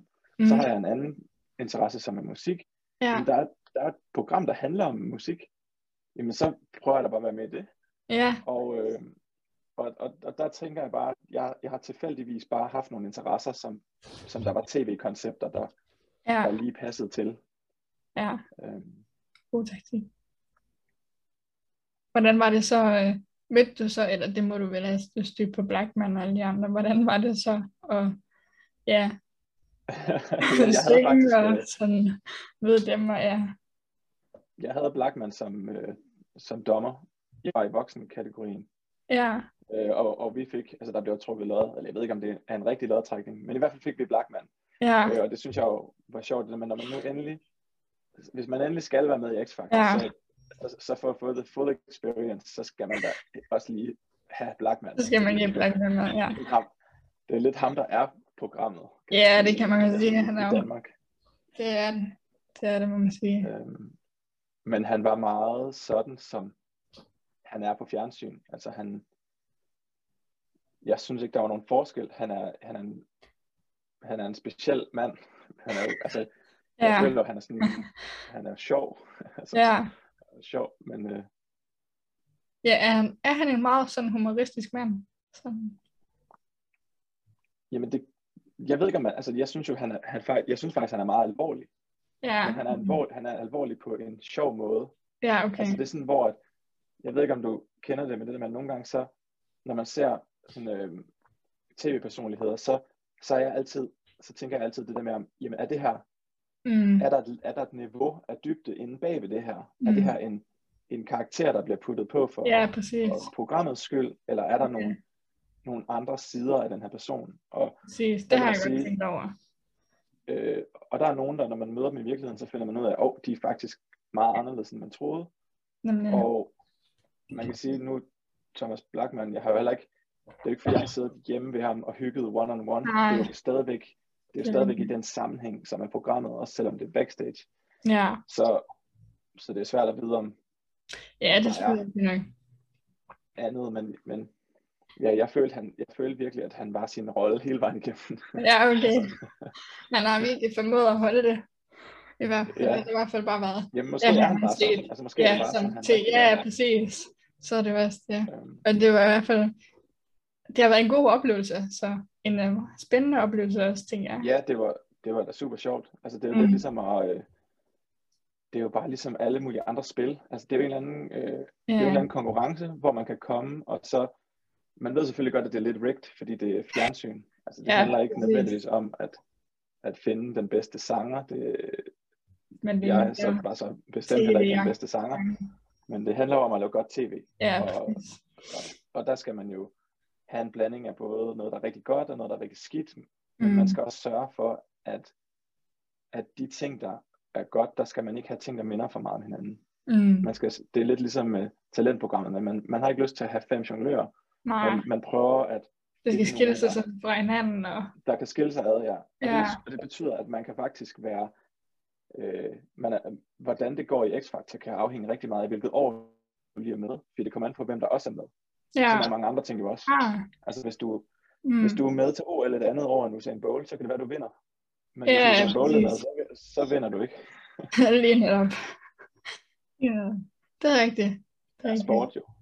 Ja, men det er det jo. Øh, Jeg tror også, jeg hørte også en, der sagde faktisk, fordi der nu lige var kommet en ny dommer på til den her sæson, og de synes, at det faktisk var bedre, fordi at, at fordi det jo netop er tv, jamen så bliver der tit nogle gange de der kommentarer, folk, ja, der er græder og sådan noget. Øhm, Ja, men at der var den, der kom den dame med vist, som vist er ret sød og sådan, gør, at det sådan er mere sådan, altså ligesom, ja, bedre for dem, der ligesom kommer ind og mere acceptabelt, synes de. Ja. Men, men det er jo, ja, det, det, det er jo tv, så ja, det er sådan lidt svært næsten. men det er også sådan lidt underligt, fordi der er også et eller andet aspekt i, at øh, der er et eller andet i, at det er svært at lave en præmis, som handler om, at man skal sørge for at have begge ender af spektret repræsenteret. Mm. Altså det er jo lidt ligesom, øh, når man, når, når folk deltager i luksusfælden, Mm, Så er det lidt som om, at, at præmissen er, at hvis jeg er villig til at udstille mine svagheder i det her program, ja, så kan jeg faktisk få noget reelt økonomisk hjælp. ja, Så, kan, så, så altså, det er dem der virker, og, og, og, endda også virkelig meget respekt, fordi dem der virkelig formår at vende, altså, vi, al, altså mennesker, vi elsker historier om folk, der kæmper for noget, og det er hårdt, og de, for, og de forventer noget skidt til noget godt. Altså det, Ja. det, er, det er jo super tilfredsstillende. Den model, Ja. den fungerer bare uanset hvad. Nemlig. Og derfor er der sådan et eller andet, ja, der er sådan et eller andet underligt i, at man inviterer en, en ind, som er fuldstændig tonedøv, Mm, hvis man så også bare har tænkt sig at sige, nej, det, det, det lød super godt, ja, men det er ikke lige dig, vi skal bruge. mm, Så er det sådan, altså, det er sådan en eller anden, på en, det, det negligerer på en eller anden måde, ja, øh, sang som det er fordi, jeg, tror, jeg tænker også meget, jeg tænker det meget som sport. ja, Og der synes jeg på en eller anden Ja, måde, at det er altså fair nok, at, øh, det er fair nok, at det kan, man kan godt spille dårligt. Man kan sagtens, mm. og, Ja, det er man kan også det. blive bedre. Man kan have dårlige dage. Det er lige- det er rigtigt. Jamen, jeg, er rigtig, jeg synes også, at nogle gange har jeg haft det sådan lidt, fordi jeg er godt vidst, at det er tv, men nogle gange har jeg også tænkt, ej, det der, det behøver du måske ikke at sige. Men så er sådan, ja, altså, man ved selvfølgelig, hvad man forhåbentlig går ind til, medmindre der er nogen, der har tilmeldt en, når man ikke, ja, det kan jo være sådan lidt, ja, Ja, svært lige at sige, Og så- hvordan, og der er selvfølgelig også måske noget med, at nogle gange så, altså nogle gange kan det jo være noget med nogle mennesker, som ikke Mm. nødvendigvis helt selv er klar over, hvad det er, de siger ja til. præcis. Øh, og nu ved jeg, der, der er sådan et psykologtjek, det skulle vi alle sammen igennem, fordi Ja, okay. jeg kom videre til det, der hedder Five Chat Challenge. Ja, præcis. Øhm, og når, og, og der, er- for, for at komme videre til det, så skal man igennem et psykologtjek, hvor man, hvor man simpelthen bliver evalueret på, hvorvidt Mm. at man er, øh, er, om, man, er, er- om man er klar over, hvad det er, man er i gang med. Ja, Altså, om man, om man forstår, at lige, nu, lige om lidt, så kan det være, at, øh, at du får 20.000 beskeder i din indbakke med folk, der hader dig, hvis ikke Ja. de kunne lide den måde, du sang på. Altså, ja, det, det er en kæmpe risiko, kan man Ja. sige, øh, hvis man har en bestemt type psyke, så, ja, så og der, der, bliver, altså, der var folk, der blev sorteret fra der. Det, der Mm. tænkte jeg sådan, "Jamen, der er der sikkert ikke nogen, der bliver sorteret fra her, men det var der. Hvor ja, jeg tænkte, jamen, det, hvis man tænker over det, så kan man også godt forstå det. At ja. det er ikke, det kan jo være, øh, det kan jo være ødelæggende Mm, ja, ja, det er nemlig for, for For ens liv, hvis man, hvis man står deroppe, og man er blevet castet, fordi man bare er mega dårlig, men man ved ikke selv, man er dårlig. Ja, nemlig. Eller man så op og synger, og så pludselig så, så vælter det bare ind med beskeder på internettet med folk, Ja. der siger, at man, at man er elendig. Ikke? Ja, det er virkelig, det må ja, virkelig være træls. Men det er også godt, at der bliver sat fokus på, øh, det kan jeg også huske her i en af de seneste sæsoner, med nogle af de unge, der havde været med, at ja, hvor de fortalte om nogle af de beskeder, de fik, og at der blev sat lidt mere fokus på, at man ja, var ordentlig på sociale medier, selvom at det selvfølgelig er stadigvæk, at det, det vil der nok altid Ja. være, tænker jeg på en eller anden måde. Øhm, men øh, ja, det, Ja, det er godt at vide, at, man at sige- man alligevel trods alt er, at man sådan ligesom bliver, ja, tjekket op på, eller sådan noget, ikke? For at snakke om det. Ja. ja, det synes jeg i hvert fald var fint, øh, Mm, at, at de havde det, ja, den, den gate bygget ind, eller hvad man kan sige. ja, Og der kan man også bare sige, det er jo nemmere, jo ældre man er, jo nemmere er det at tage stilling til, øh, hvad, hvad man synes er en god idé at gøre. Ja, man sige. lige Øh, præcis. Det kan være svært som 14-årig at gemme og overskue Ja, øh, konsekvenserne. Også bare, altså, også den modsatte er også gældende. Altså prøv, prøv at være ham, øh, Martin fra X-Factor. ja, Han, han, han oplevede det modsatte. Han kommer ind, alle synes, han er mega god. mm, Han vinder X-Factor. Alle elsker ham. Og alligevel så ender det med en dårlig oplevelse. Fordi ja, at så pludselig så er det det modsatte. Så er det noget med, at han ikke kan slippe ud af X-Factor-rollen. Så er han pludselig Ja. blevet X-Factor Martin.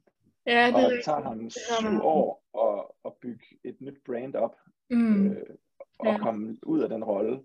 Øh, og det, det er også bare sådan noget, hvor jeg tror, at det, når, man, når man er 14 år og bare gerne vil leve af at synge, så mm. tænker man ikke, man tænker ikke over, at Nej, hvor at, stor øh, betydning det har fremover. hvor, hvor stor betydning det egentlig kan have for en musikkarriere, at, Ja. at, at få et bestemt label.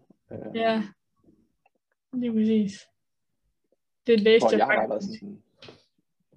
Sådan, Altså, hvor, hvor jeg, har- jeg har bare tænkt det mere sådan, at fordi jeg netop ikke tænker særlig meget i identitet, mm, så tænker jeg ikke, at jeg tænker ikke, at jeg er en sanger, og jeg tænker ikke, at jeg er en bestemt type sanger. nej, Jeg tænker bare, øh, sang er fedt, sang er Ja. sjovt, jeg kan synge hvad som helst.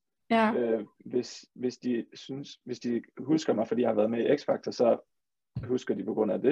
Hvis ja, de husker mig på grund af noget andet, er det, altså, jeg føler, jeg føler, jeg føler nemt, at jeg ville kunne bryde ud af et brand.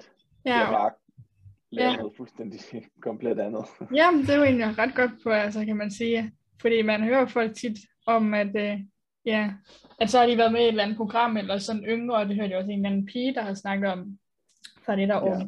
årgang 2000, at ja, det der med at skulle bryde ud af et eller andet, man måske heller ikke har været med til, men det der med faktisk at være Ja. bevidst om, at man sådan, okay, ja, jeg ved, hvad det er, og jeg ved også, hvorfor jeg gør det, og ja, hvad, hvad der ligesom skal til, ikke, hvis der jeg ender i den her situation, eller sådan noget, ikke?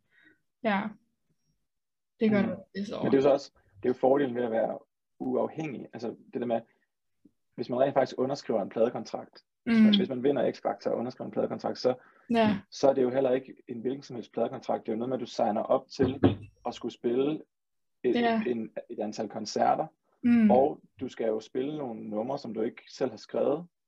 ja, Så, så problemet er lidt, at nu har, du, nu har du juridisk signet op til at skulle ud og performe noget, som du måske egentlig ikke som ja, musiker kan stå inden for. Det kan også være, du kan, men det kan også bare være, du ikke kan. Og så er ja, man bare lidt fanget. ja, Hvor hvis man nemlig. ikke havde nogen kontrakt, så kunne man jo bare gøre, hvad man ville. Så kunne man jo bare... Ja, lige netop. Der er noget ved friheden der, så. Ja. Det er, det er noget godt. Så pas på med pladekontrakter derude. Pas, pas på med at Ja, at binde jer. ja, det er præcis. Godt, uh, godt tip her. Um, men så har du også, nu har du, uh, du har spillet noget poker, um, og uh, ligesom uh, uh, lært lidt med det her med at, ja, at finde ud af, at, hvad kan man sige, nogle strategier, uh, og, uh, og selv uh, mange af de der, ja, udvikle og lære det her. Um, hvornår kom du så ind i uh, investeringsverdenen og begyndte sådan Men, ja, øh, på det? Hvis Det var, det var lige omkring 2015, Ja, jeg startede. okay. Og, øhm, Ja, og det skete lidt tilfældigt ved, at en af dem, jeg studerede sammen med, en af de andre phd studerende som jeg delte kontor med, han, han havde bare en hel masse Vestas-aktier. ja okay. Og så snakkede jeg lidt med ham om, om det, og så begyndte jeg sådan at tænke, "Hm, hvorfor har han aktier? Vi er jo lige gamle. Ja, Jeg har da ikke nogen aktier. og så, så han var egentlig den første, jeg sådan mødte, som nævnte noget med aktier. ja, okay. Øh, og det var ikke engang, fordi han gik, han gik ikke synderligt meget op i aktier. Han havde bare, Ja, okay, jeg havde bare nogle. ja, nogle, ligesom- han havde bare nogle Vestas aktier. Ja, Og så begyndte jeg bare at læse om det. mm, Og så gik det meget stærkt derfra. Altså så snart jeg begyndte at læse om det, så, var, så gik det bare op for mig, okay, det her, det er jo en verden. Okay. Det er jo en kæmpe verden af Ja. viden, som, som man kan få, og som jeg ikke har. så ja, lige præcis. så, så jeg, jeg begyndte bare at ja, prøve at undersøge alt muligt om det, for at finde ud af, hvordan gør man egentlig det her. Ja. Okay. Okay. Og så, øh, så gik jeg lige så langsomt i gang, og har så sidenhen, øh, jamen så gjorde jeg på et tidspunkt noget, hvor jeg solgte en hel masse aktier for at bygge nogle mining rigs til bitcoin, mm, og så øh, solgte jeg dem igen, og købte nogle aktier igen, og sådan, det har været lidt frem og tilbage, og, Ja. så, og så nu der, nu der gør jeg begge dele, nu er jeg både i krypto og i aktier, okay. og Ja, har så ligesom, man kan sige, taget det til next level i forhold til research, det er fordi, Ja. jeg har valgt at lave en YouTube-kanal, som præcis. underviser i det, Nemlig. så det har også så givet noget, øh, lagt op til at, at ligesom fordybe sig endnu mere Ja, ned lige i, præcis. i nogle detaljer, Lige præcis. for at kunne give det videre. Ja, nemlig. Det skal. Mm. Det er jo det. Men hvad var det, hvornår var det, du sagde, at det var mens du arbejdede på et kontor? Hvorhen? Eller arbejdede det var mit, øh, det var mit phd kontor øh, Okay. altså på, univer- på universitetet. Okay.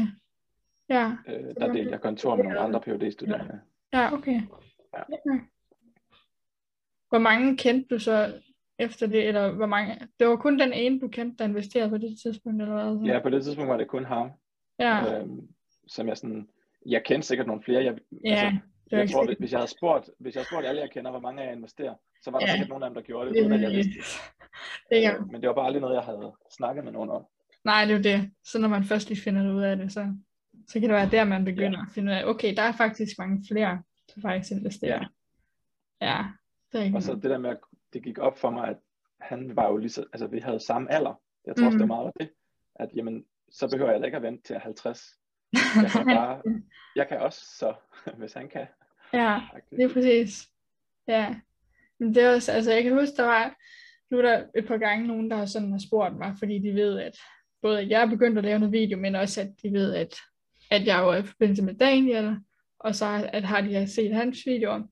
Men så har det været sådan, nogle ja. gange har de spurgt, hvornår skal jeg sådan begynde, og jamen lige nu, der ved jeg ikke sådan rigtigt, fordi lige nu er det jo sådan her, der er de sådan lidt op, eller sådan, jeg er bare altid sådan, at altså, jo tidligere du kan være i markedet, selvfølgelig altid sørge for at undersøge det, du vil uh, investere i, og uh, sprede det, risikoen og de her ting. Men at ja, jo længere man er i markedet, og jo mere man sådan løbende ligger i, at det er det bedste. Men det er det der med, ligesom, at folk kan virkelig være bange. Jeg tror også, det var dig, der lagde et opslag op, hvor du delte det her med, at, at man vil rigtig gerne ramme det rigtige punkt, men så når det rigtige punkt kommer, så er der så mange, der bliver yeah. så bange for det, og så er jeg bare sådan, wow, ja, ja det er rigtigt. Det, ja, det, virkelig, det der sker, det er, at når det stiger, så tænker man, ej, nu er det for højt oppe. Ja. Nu, det, det er blevet for dyrt, jeg, det er kommet for sent. Ja. Jeg venter til det dykker. Og når det så dykker, så tænker man, ej, nu er det godt nok dykket meget. Ja. Det dykker sikkert mere, inden, inden jeg skal ind. Ej, jeg, jeg, jeg gider ikke at tage nu, hvor det dykker mere. Nej, nemlig. Og så kan man, og så, og så pludselig vender det, og så er det, og så er det for sent igen. Ja, så, det er sådan. Sådan kan man... Og så er det den rutsjebane der, ja, som man sådan set bare skal ja. være en del af, ja, egentlig. Ja, man, man kan jo selvfølgelig, man skal jo altid huske, at problemet med aktiemarkedet, det er, at man kan jo kun se tilbage i tiden. Ja, så det, man kan kun se det, på, hvad man skulle have gjort førhen. Lige præcis. Man kan i princippet aldrig vide, hvad der er bedst at gøre nu. Øh, Nej, nemlig. Så, så det er jo altid med den lille ting i mente, at man skal være opmærksom på, at ingen kender fremtiden, men mm. man kan være helt sikker på, at hvis man slet ikke gør noget, ja. så, altså så med et normalt lønmodtagerjob bliver man i hvert fald aldrig økonomisk uafhængig. Det er umuligt. Ja. Man kan simpelthen ikke mm. nå at tjene penge hurtigt nok. Præcis. Og man taber også penge til inflation. Mm. Øh, ens penge mister simpelthen købekraft hvert år. Så yes. hvis ikke man ejer nogle aktiver, så bliver man, så bliver man i virkeligheden sådan, frataget en procentdel af sin formue Nemlig. hvert eneste år. Nemlig. I virkeligheden hver eneste dag, men ja. det sker sådan kontinuert. Ja, præcis.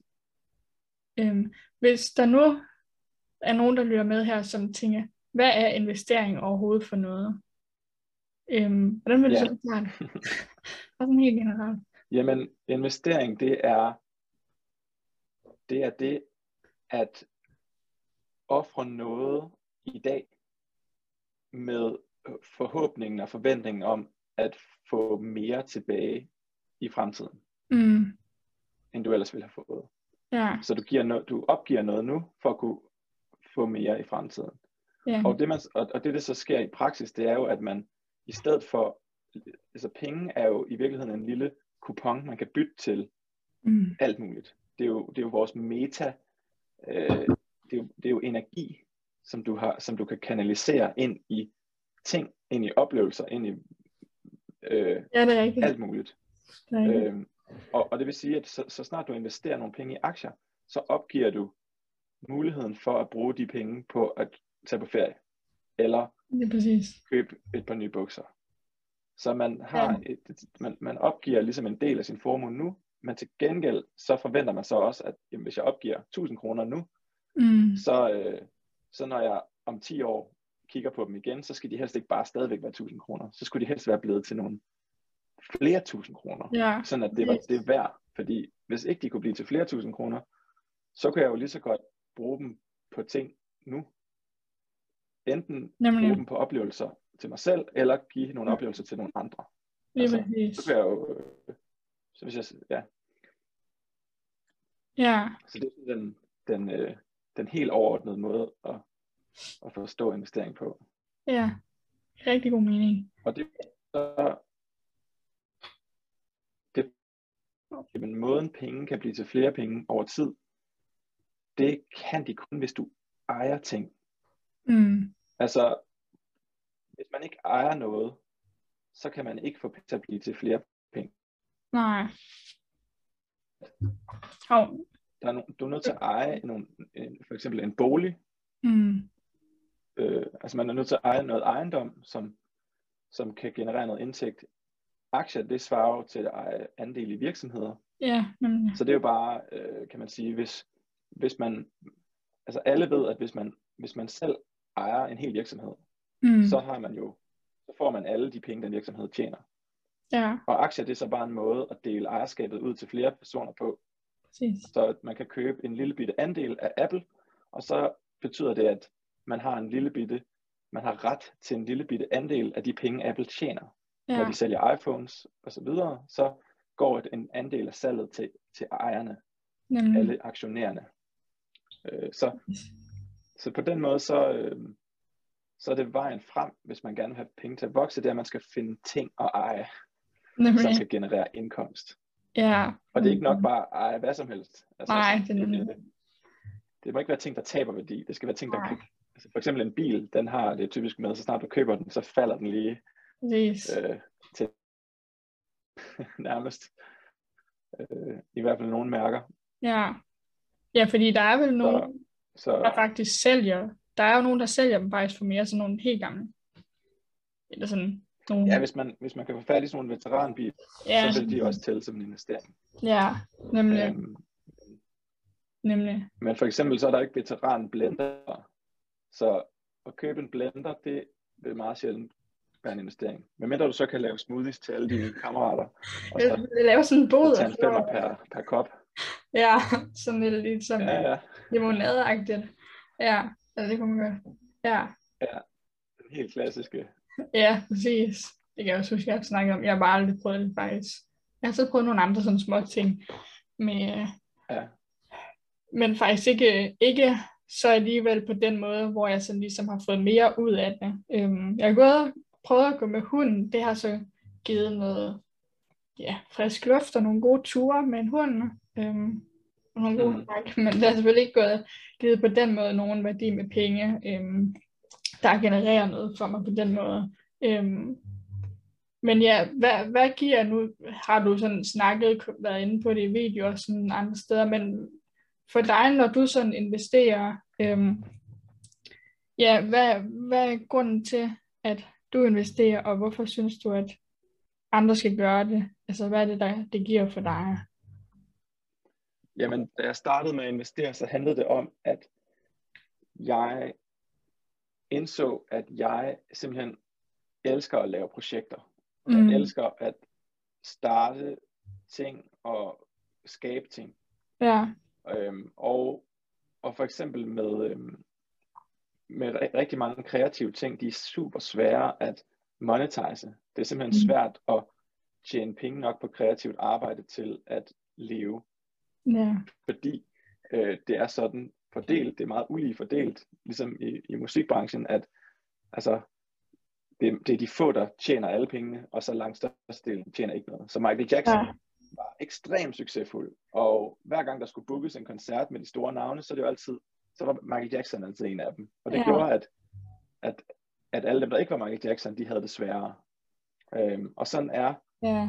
rigtig meget kreativt arbejde, det er, at, øh, at det er svært at tjene penge på det, medmindre man sådan virkelig er øh, slår igennem. På, mm. altså, virkelig, hvor, hvorimod hvis man er ingeniør for eksempel, så behøver du ikke at være, øh, være øh, hvad hedder det, finde, hvad man kalder det, Ja, du, du behøver ikke være den der one in a million, der oh, er heldig nok til at klare det øh, og slå igennem med dit oh. ingeniørskab.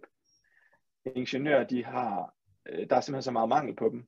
Mm. Der er ikke på samme måde mangel på guitarister. Øh, så der er det vigtigt, at man er ekstremt god og ekstremt heldig, begge yeah. ting. Eller ekstremt interessant på en anden måde. Yeah. Øhm, og nu kan jeg så ikke selv spille guitar, nu synger jeg jo, men, men øh, mange andre ting også, altså man kan sige det samme med, med at lave YouTube, altså det er også bare svært at få en succesfuld YouTube-kanal, fordi man er i konkurrence med alle andre, der også gerne vil lave YouTube. Mm. Og, øh, og det er bare et hårdt felt, og det, øh, og det gjorde bare, øh, det gjorde bare, at jeg indså, at jamen, hvis jeg vil have så meget som muligt tid mm. til at mm. lave, hvad end jeg nu finder på at sjove projekter, mm. så har jeg brug for, at det ikke skal handle om penge. Jeg har brug for, at ja skal have penge nok til at kunne gøre de ting, jeg brænder for. Og der, og der, der er investering jo netop det, det der gør, at man, øh, man får frigjort tid. Lige præcis. På det er faktisk en virkelig god pointe. Det er det. Det er det virkelig. Øhm, fordi der er jeg også sådan... Man får frigjort noget tid forhåbentlig. Ja, det gør man nemlig, fordi at det kan jo være virkelig svært at, at starte netop en egen, altså hobby, der skal blive til noget mere, eller et eller andet iværksætteri øh, drøm. Ja. Og så er det jo faktisk netop, som du siger, det her med ligesom at investere, at det giver en masse frihed på den måde. øhm, Mm. tid, og øh, ja, ligesom, ja, præcis. Øhm, hvad er dit vigtigste Så, råd? Ja. Nå, så jeg vil bare sige, så, så har jeg så også været heldig, at nu hvor at, mine projekter så går øh, ret ja. godt, øh, og det vil sige, at nu lever jeg faktisk af at lave de ting, som jeg alligevel gerne vil lave. Så på den måde, så kan man sige, det, det gør jo på en eller anden, man, man kan sige på den ene side, så gør det investeringen mindre vigtigt, fordi lige nu der tjener jeg penge nok til at Ja. leve ved at gøre de ting, jeg gerne vil. Men på den anden Mhm. side, så er der det her aspekt af, at man ved aldrig, hvor længe ting virker, man ved aldrig, hvor længe man har noget. Nej, Man skal det sætte pris på det, så længe det varer. Men alt muligt kan ske. Altså, en ting er, at markedskræfterne kan ændre sig. Det kan være, at folk pludselig ikke vil spille discgolf mere. Det kan være, at de ikke interesserer sig for YouTube mere. Det kan være, at YouTube ikke anbefaler mine videoer mere. præcis. Det kan være, at øh, jeg bliver syg, og pludselig at jeg ikke har mit helbred mere. Der er mange ting, der kan ske. mm. Så alt i alt, så synes jeg bare, det er rigtig, rigtig, øh, det føles bare det er rigtigt. som det helt rigtige, at Lige opbygge præcis. en formue gradvist ved siden af, at jeg tjener penge. Øhm, præcis. fordi jeg har ikke et specielt øh, stort behov for at bruge særlig mange penge på ting. Nej, Jeg vil meget hellere investere i, i frihed Ja. og, og tid. netop. Det kan jeg godt forstå.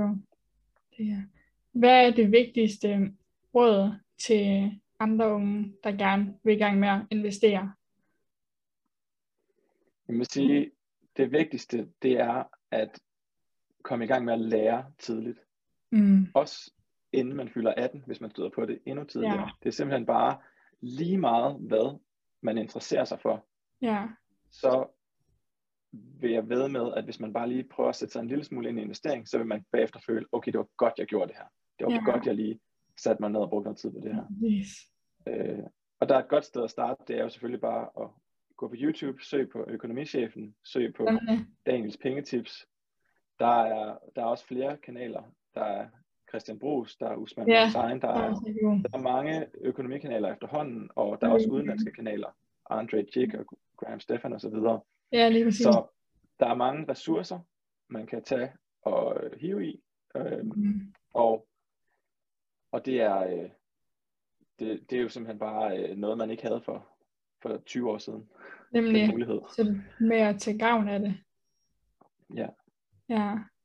Og ligesom alt andet, som du siger, eller ikke, som du sagde, men ja, og, øh, og begynde at lære om det, og øh, øh, undervise sig selv, hvis man kan sige det sådan, ikke? Med bøger, mm. YouTube og ja, nemlig. Ja.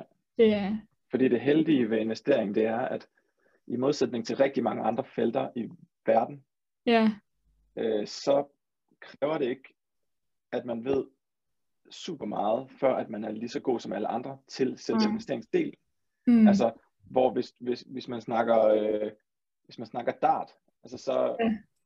så hjælper det sindssygt meget at have øvet sig i 10 år i dart.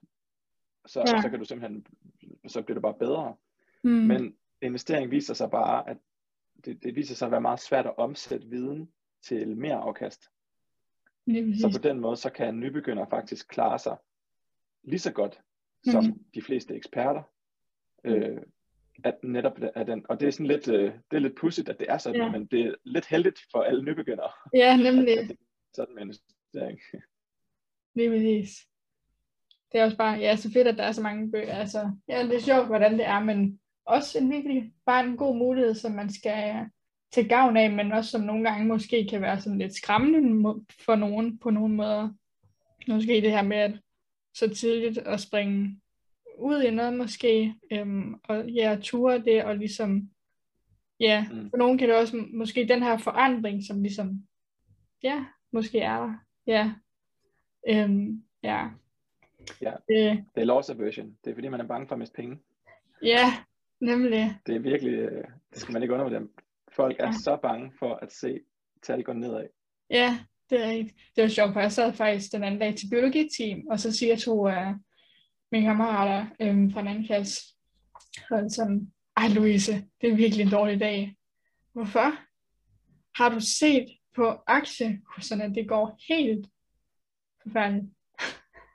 Det var sådan, det var, også, det var sådan lidt sjovt nogle gange at høre det der med, eller ikke sjovt, men det, ja, det der med, når folk de bliver sådan helt, øh, forhåbentlig bliver det ikke sådan helt, sådan, helt seriøst, men ja, altså det med, at, ja, at det tallene kan påvirke så meget.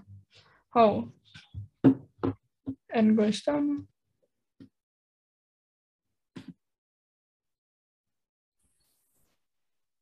Ah, okay. Åh, oh, nu kan jeg høre noget igen. Ja, det kan jeg også godt. Okay, super. Yes.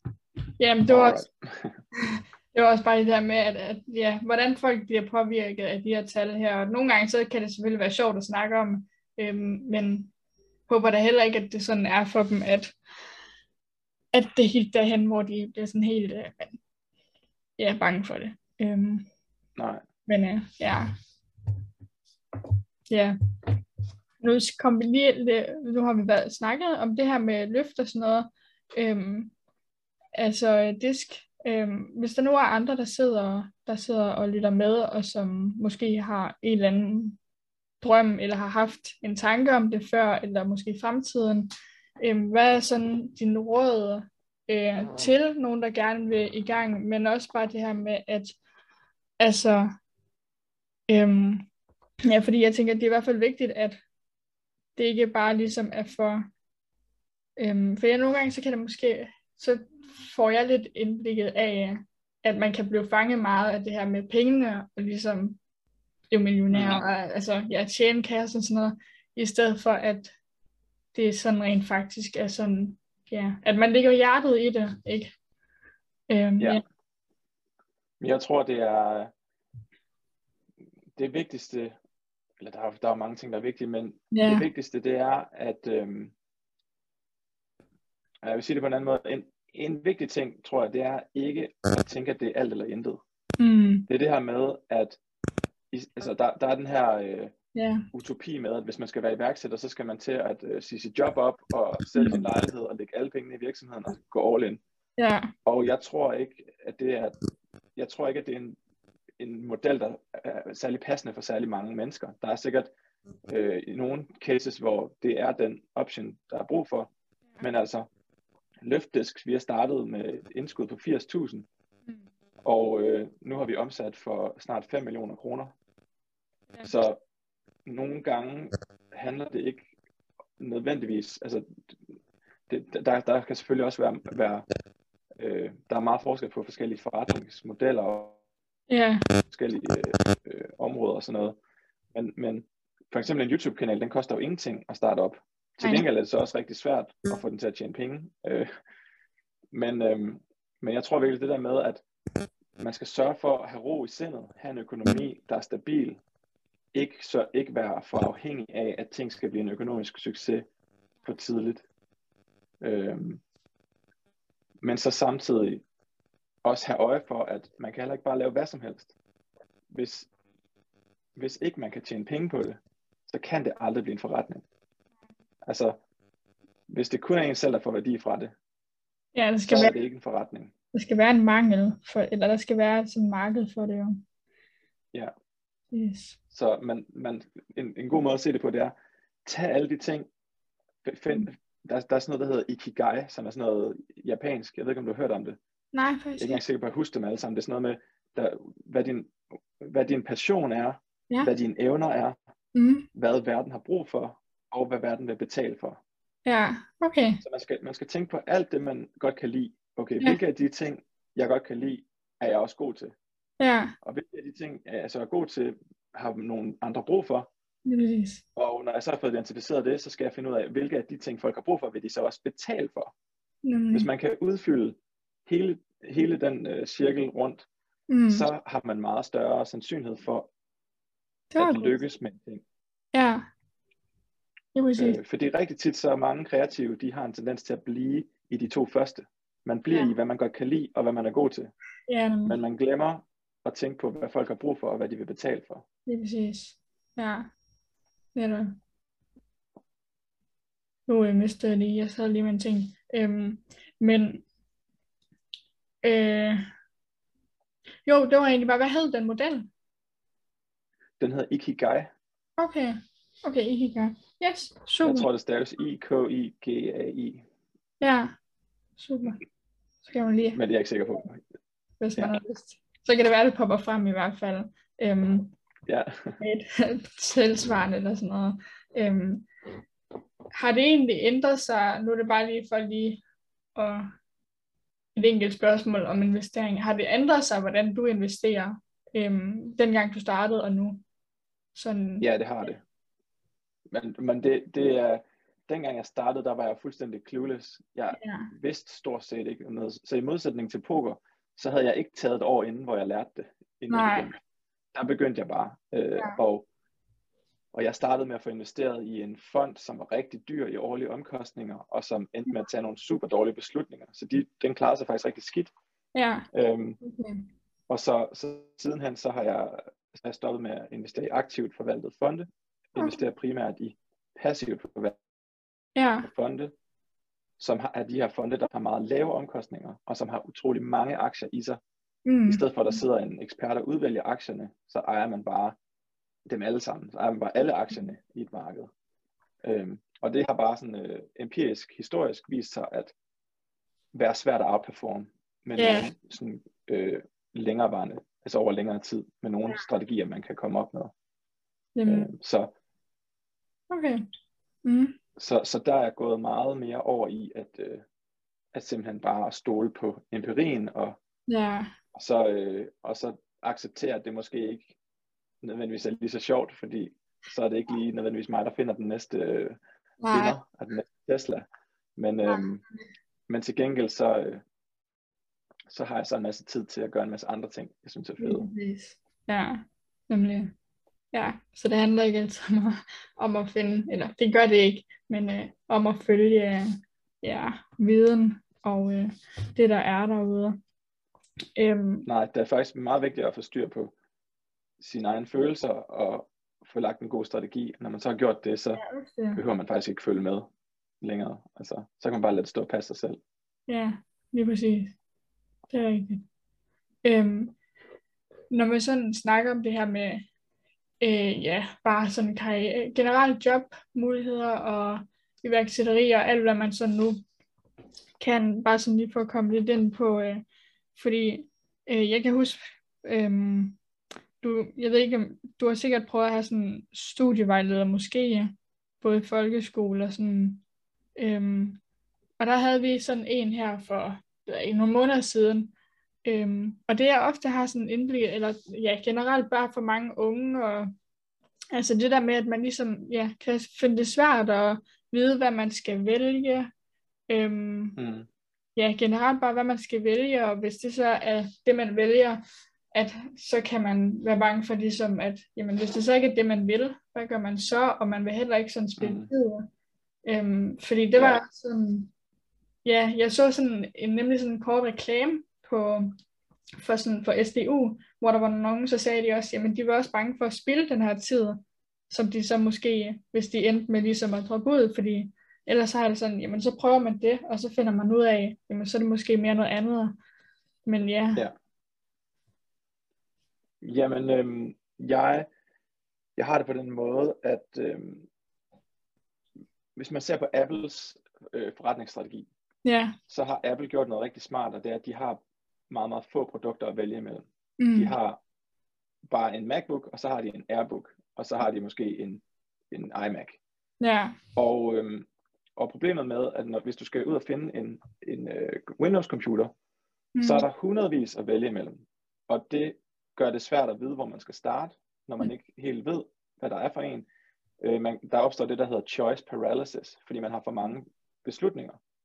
Og så ender man med at bare gå ind og prøve at se nogle, læse på nogle reviews, og så, så stoler man på, at et eller andet review er en, den, den var bedst i test eller et eller andet, og så køber man den. Man synes, man fik Nemlig. en okay computer til prisen, men man aner ikke noget om den. Nej, Øhm, og problemet er lidt, at øhm, godt eksempel. hvis man, ja, hvis man, det, det, det er nemlig en ting, og det sker igen og igen, så, så man kan stille det her spørgsmål til sig selv. Hvis du skal ud og finde en ny deodorant, Ja, hvad vil du så helst af de her tre ting? Vil du helst prøve en? mm, Vil du helst prøve fem? Eller vil du helst prøve 300? Og det bedste at gøre, det er at prøve fem. Det bedste er ikke at prøve en, fordi så, hvis man prøver en, så vil man for evigt være i tvivl om, hvad de andre bedre. Ja, lige Hvis præcis. man prøver 300, så har man prøvet 300, og så, så aner man ikke, om den man har taget, var den egentlig bedre på alle parametre? Var der ikke en anden, der også var måske lidt god? Lige. Så det handler om at acceptere, at for mange valg, det gør, det sætter os i stå. mm. Så vi er nødt til at gøre noget, men vi skal sørge for ikke kun at gøre én ting. Vi skal Ja. sørge for at gøre et par ting. Ja, Lidt, lidt, lidt mere end én. Så, øhm, og der kan man sige, med uddannelse kan man jo ikke tage flere gange. nej. Men det er muligt i løbet af et liv at nå at skifte. Ja, Altså, mm. Niels, som jeg har lavet løft med, Ja. han tog en øh, bachelor i filosofi først, inden han læste maskiningeniør. ja, okay. Øhm, så så på den måde, og, og det tror jeg, der er mange, der oplever det der med, at Ja, at man skifter fra det man ene. skifter, fordi man indser flere ting om sig selv øhm, undervejs. Præcis. Men det vigtigste, det er at komme i gang med at gøre noget. Man skal ikke, ikke gøre noget. Og det er ikke, fordi man nødvendigvis skal tage en, en studie. Altså, det er ikke, det er ikke fordi, man nødvendigvis skal gå på universitetet. Nej, men bare der Øhm, eller andet, men man skal, man skal vælge en vej, og så prøve det. Ja, For man kan aldrig regne det ud. Man er nødt til at opdage det. ja, Hvis man er helt clueless, hvis man er fuldstændig clueless, så vil jeg sige, så, har, så er man på en måde privilegeret på en anden måde. Hvis man ikke har nogen præferencer overhovedet, så kan man gøre en af to ting. Man kan enten prøve at finde ud af, hvor kan man tjene flest penge, mm. eller man kan prøve at se, hvor kan man hjælpe flest mennesker. ja, Nogle gange, nogle gange er de to ting det samme sted, men nogle Ja. gange er de forskellige. Ja. Øh, men, men så kan man prøve ligesom at finde, øh, ja, finde øh, ja, prøve, prøve at gå den vej. Altså, så, så kan man lige så godt gøre noget lidt ekstremt, hvis man alligevel ikke, ja, har nogen anelse.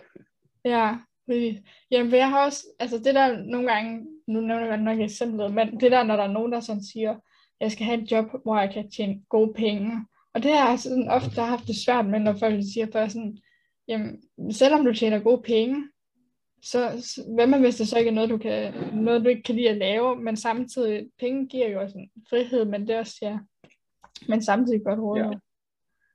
at, Ja. Jamen det er også, man kan sige, det, det er mere en slags last resort. Det er fordi, Ja. der, det er altså, det er ikke, det er en misvisende model, det her med, at man skal ud og finde sin passion, og så Mm. følge sin drømme. Fordi passion fungerer ikke på den måde, at den, at, øh, at den er noget, man nødvendigvis kan, øh, kan, kan kigge indad og finde. mm, Nogle gange så opstår passion, ligesom vi snakkede om tidligere, det her med, at man engagerer sig i aktivitet, så opstår mening, og så opstår passion også nogle gange. Altså, hvis, det er virkelig sjovt, altså man kan prøve, man kan prøve bare at gøre et eller andet. Altså, ja, man kan prøve at ligge sig i sengen hele dagen, ja, og så se om man kan blive, se, se om man kan blive i sengen hele dagen, og ikke gøre Ja. noget. Og så prøv at øh, lægge mærke til, hvilke tanker, der kommer igennem dit hoved i løbet af hele den dag. Du, du skal virkelig blive i sengen. Du må ikke gå op. intet lavet. Se om du kan. Man må, ikke, man må ikke gøre noget. Man skal bare blive liggende. Så vil alle mennesker, de vil, det, det vil være super utilfredsstillende. Ja, Det vil være super, super utilfredsstillende. Men, men, men man kan måske øh, opdage ting. mm, Man kan opdage nogle ting inden øh, i sig selv. Hvad, hvad er det egentlig, man er frustreret af ja, over? Hvad er det, man har lyst til? Hvad er det, hvad er det, man, hvad er det, man godt kunne tænke sig at gøre lige nu, som man ikke må? Øh, det kan måske give et, et, et præg i, i hvilken retning man skulle prøve at gå. nemlig. Øhm, Altså, så- jeg kender det for det- mig det- selv. Hvis jeg bare sådan har ligget og sådan tænker spildt et kvarter på sådan, inden jeg, altså fra jeg vågner til jeg skal stå op. Så synes jeg nogle gange Ja. det. det, ja, ja. Og man opdager det ikke, hvis man, hvis man hygger sig med sin telefon, eller med øh, serier, eller, eller computerspil, eller andre ting, så, så kan man jo easy bruge 10 timer Ja. uden at Nemlig, blive frustreret. Altså, så har man det jo bare fedt. Øhm, men jeg tror simpelthen bare, at det er, man opdager, om noget er worth it ved at gøre det. ja. Det har så, så man, man, man øh, ja, jeg vil sige, prøv ting af, og ikke være bange for at prøve mange ting. Nej, godt. Det er, ja. Det er, øhm, hvad, hvad kan vi ellers sådan, har du, sætter du, sætter du nytårssæt forsæt for 22? Hvad, Altså, ting i ærmet? det har jeg faktisk, øh, det har jeg faktisk lidt gjort, øh, selvom jeg også, en, en side af mig er lidt imod det, fordi jeg Ja. synes, der er noget arbitrært i det der med, hvorfor er det, det lige skal være, når der starter et nyt år. Mm. Altså det er sådan, om det er også lidt af en dårlig undskyldning, for at man så kan bruge resten af det forhen, foregående år på at udskyde det. Det vil sige, Øhm, og jeg har faktisk lige lavet en video om, om søvn på YouTube, fordi det er en af mine Ja, nytårsforsæt. Det er faktisk, jeg vil gerne prøve at få en, få en øh, blive mere frisk i virkeligheden, når jeg vågner. Det, det er Mm. det, der er mit, mit primære mål. ja, Øhm, og der taler jeg lidt om det her med, at det er meget nemt, det med nytårsforsæt, det er, at man, man kan sætte utrolig store mål for sig selv, fordi det er ikke lige nu, man skal betale prisen. nej, Man sætter målet på et tidspunkt, hvor man skal hygge sig, og ikke Mm. og skal have nytårsaften om lidt. Men ja, når prisen skal betales, så er det pludselig, så skal man bare huske, at det er altså også en selv, der skal betale den. Det er en selv, der skal Ja. lave arbejdet og lige øh, præcis. gå i gang med de her ofre. Ikke? Så, men jeg vil sige, det, øh, jeg, øh, det handler meget om det der med at få, øh, få mere friskhed om morgenen ved at få en mere stabil søvn, og så, øh, og så blive mere aktiv. I 2021, der var lavet rigtig, rigtig meget, øh, jeg brugte rigtig meget tid på mine projekter, på mine forretninger, Ja, øh, men jeg brugte ikke særlig meget tid på at øh, på fysisk at, at øh, være aktiv. Nej, okay. Og så er jeg allerede øh, et, et helt andet sted øh, her i år. Og nu Ja. må vi se, om det er bare sådan en januar ting, eller om jeg kan, om jeg kan Ja. blive ved, men, øh, ved med det. men jeg føler i hvert fald allerede, at, at der er sådan en god, en god vane, der er ved at komme ind med at simpelthen at, ja, at jeg bare har, har sagt til mig selv, hvor- hvilke dage jeg skal, øh, Ja. jeg skal træne. Lige præcis. Jeg har faktisk også haft det sådan lidt ambivalent med sådan nytårsforsæt i år. Fordi ellers så plejer jeg egentlig sådan at synes, det er en god idé. Og sådan. Men jeg tror også, det er det der, når man så... Øhm, fordi der er så meget omkring jo, at lige netop det der med, at så sætter man der, så, der, så det, og så øh, går det de første par måneder, øhm, måske. Og så, øh, ja, går det nedad derfra. Øh, men jeg har alligevel prøvet sådan, jeg hørte faktisk også sådan en podcast fra, jeg ved ikke om du har hørt The Mindset Mentor, hvor han ligesom fortalte om nogle forskellige ting, og så havde han de her ni punkter, hvor man ligesom kunne sætte nogle mål inden for hvert, og det tænkte jeg, okay, så var jeg sådan, det giver faktisk ret god mening for mig. Men øh, ja, det kan jo, det kan jo også være forskelligt, hvad man Ja, det, det er ikke noget, jeg kender til. Nej, nemlig. Ja. Men, men ja, det er god, øh, så må vi se, om, om det holder det. I hvert fald. Ja, Yes. Øhm, men jeg tror, hem, jeg tror virkelig, at hemmeligheden handler om, at et nytårsforsæt, det er et for stort mål. Det Ja. er et, øh, eller det er et for isoleret mål. Altså, mm, det, man kan ikke, det, det er svært at lykkes med mål, hvis man kun sætter et mål for et år. mm, Man er nødt til at sætte et mål for et år, men så også få det delt op i nogle mere ja, håndgribelige ja, nogle ting. delmål. Ja, ellers Ja. så bliver det for abstrakt, så bliver det noget med, at jeg skal gøre det her. Et, altså, Lige præcis. øhm, det, det, jeg tror, man er nødt til at, Men det gør jeg få det faktisk delt også. op. Øhm, I hvert fald med sådan, sådan, sådan ting, øh, for eksempel at læse 12 bøger øh, på 12 måneder. Det er faktisk sådan noget, jeg har sat mig Ja. år. Øhm, og så har det også været sådan noget, okay, så læser jeg en bog i hvert fald om måneden. Fordi nu interesserer jeg mig Mm. også rigtig meget for at læse og for de her selvudviklingsbøger og investeringer og sådan, og så er det også bare, så er jeg også bare blevet mere, endnu mere, ja, fanget af det. Så, Ja. øhm, Og så har man også et, et benchmark, man kan sætte sig op imod. Altså man kan ligesom se allerede i måned to, om man er bagud. ja, nemlig. Altså hvis det er 12 måneder, 12 bøger på 12 måneder, så kan man se, okay, jeg fik kun læst en halv bog, så nu, nu er jeg nødt til at læse halvanden i måned to, ikke? Se, Øh, hvor hvis man, hvis man bare siger, at jeg skal læse 12 må- bøger på et år, så kunne man jo i princippet øh, bruge de første 6 måneder på ikke at læse, og så, præcis. så får man et problem senere. Ja, og det er da også bare et eller andet sådan, ej, så skal det, så skal man ligesom følge den hele tiden, så kan jeg i hvert fald også mærke, det er sådan det, der giver bedst mening, og ja, det er også bare det der man, med, at man ligesom kan holde noget, altså med at være consistent, og sådan, det, ja, ligesom vi snakker om med de der 10 år, øh, hvor man sådan ligesom har, og, ja, når man sådan ligesom har gjort noget længere periode, så giver det også bare en bedre oplevelse af det. Virkelig. Så øhm, noget af det sidste faktisk, jeg lige vil høre dig om, det er, at inde på din YouTube-kanal, der faldt jeg over den her sætning, at øh, øh, inde på der omkring, der siger du, husk penge er kun noget, vi er nødt til at tjene i tilfælde af, at vi overlever. og den har jeg faktisk hørt ja. også Daniel nævne på et eller andet tidspunkt på et opslag også. Men jeg så, altså jo, jeg kan godt sådan nogenlunde læse den, men jeg vil godt tænke mig at høre din sådan tanker om den. Det er sjovt. Jeg tror, altså jeg mindes, at det er et, et citat, jeg selv har fundet på. Nå, okay. Så, så enten så har jeg, så enten så kan, kan han have citeret mit citat, eller også så, øh, eller også så kan okay. jeg ikke huske, at det ikke er mig, der har fundet på det. Jeg tror, Nej. jeg, tror, jeg synes godt nok, fordi det er sådan lidt et underligt citat. Men det, det jeg mener med det, det er, at øhm, det, det, det er i virkeligheden sådan lidt en indirekte kommentar på mm. Den her øh, mentalitet med, at øh, jamen, du kan jo ikke vide, hvad der sker i morgen. Nej. Og det er tit noget, der bliver sagt i forbindelse med, hvorfor man ikke skal investere. Så er det sådan noget med, jamen du, mm. man ved ikke, hvad der sker i morgen. Måske, øh, altså, du ved ikke, om du er her i morgen. Ja. Og med den, og med den tilgang, så kommer man, så, så, så, øh, så er det svært at motivere sig selv til at investere, fordi mm. så tænker man hele tiden, jamen måske er jeg her ikke i morgen, så kan jeg lige så godt bruge alle mine penge i dag. Mm. Agtigt.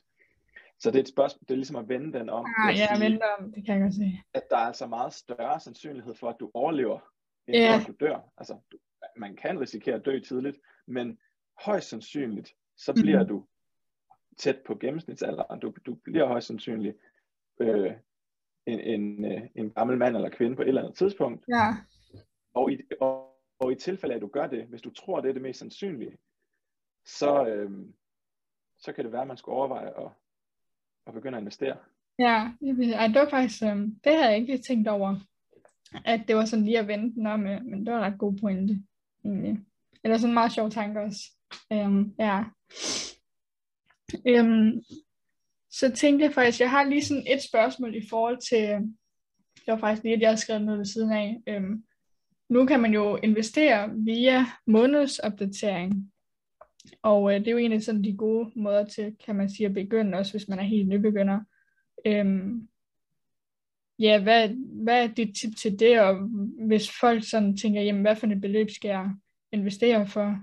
Hvad vil du sådan anbefale, eller ja, man kan sige... Ja, månedsopsparing, det er... Hvad siger du? Eller, jeg tænker bare på, at det er selvfølgelig svært måske at, i forhold til, at der er nogen, der har fritidsjob, og der er andre, der ikke har, men ellers, ja. Mm. Jamen månedsopsparing, det er, det er et tiltag, Nordnet har lavet, hvor man kan investere kortagefrit, altså det vil sige uden at betale gebyr for at handle, og så kan man til gengæld kun handle en gang om måneden, og kun i fonde.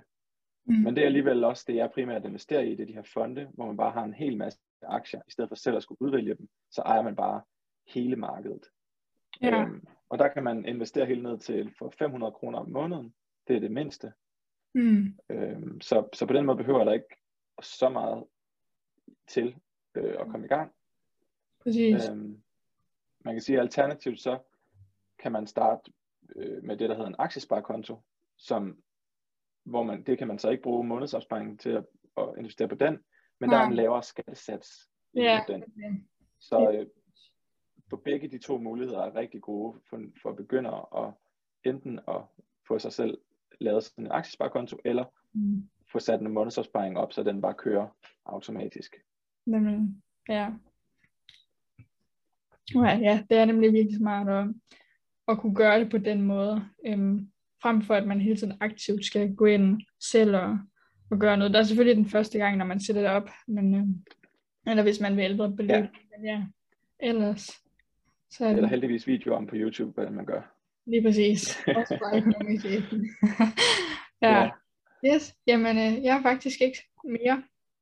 Så øh, jeg vil sige tak, fordi at du ville være med. Det blev også en øh, god lang samtale, men virkelig også mange interessante ting, vi har snakket om. Ja. Så jeg håber ikke, at Jamen, øh... for lang tid, men øh, i hvert fald tak. Nej, det var bestemt interessant. Ja. Tusind tak, fordi jeg måtte være med. Ja, selv tak. Så ja, det var, det var lige stoppe recording.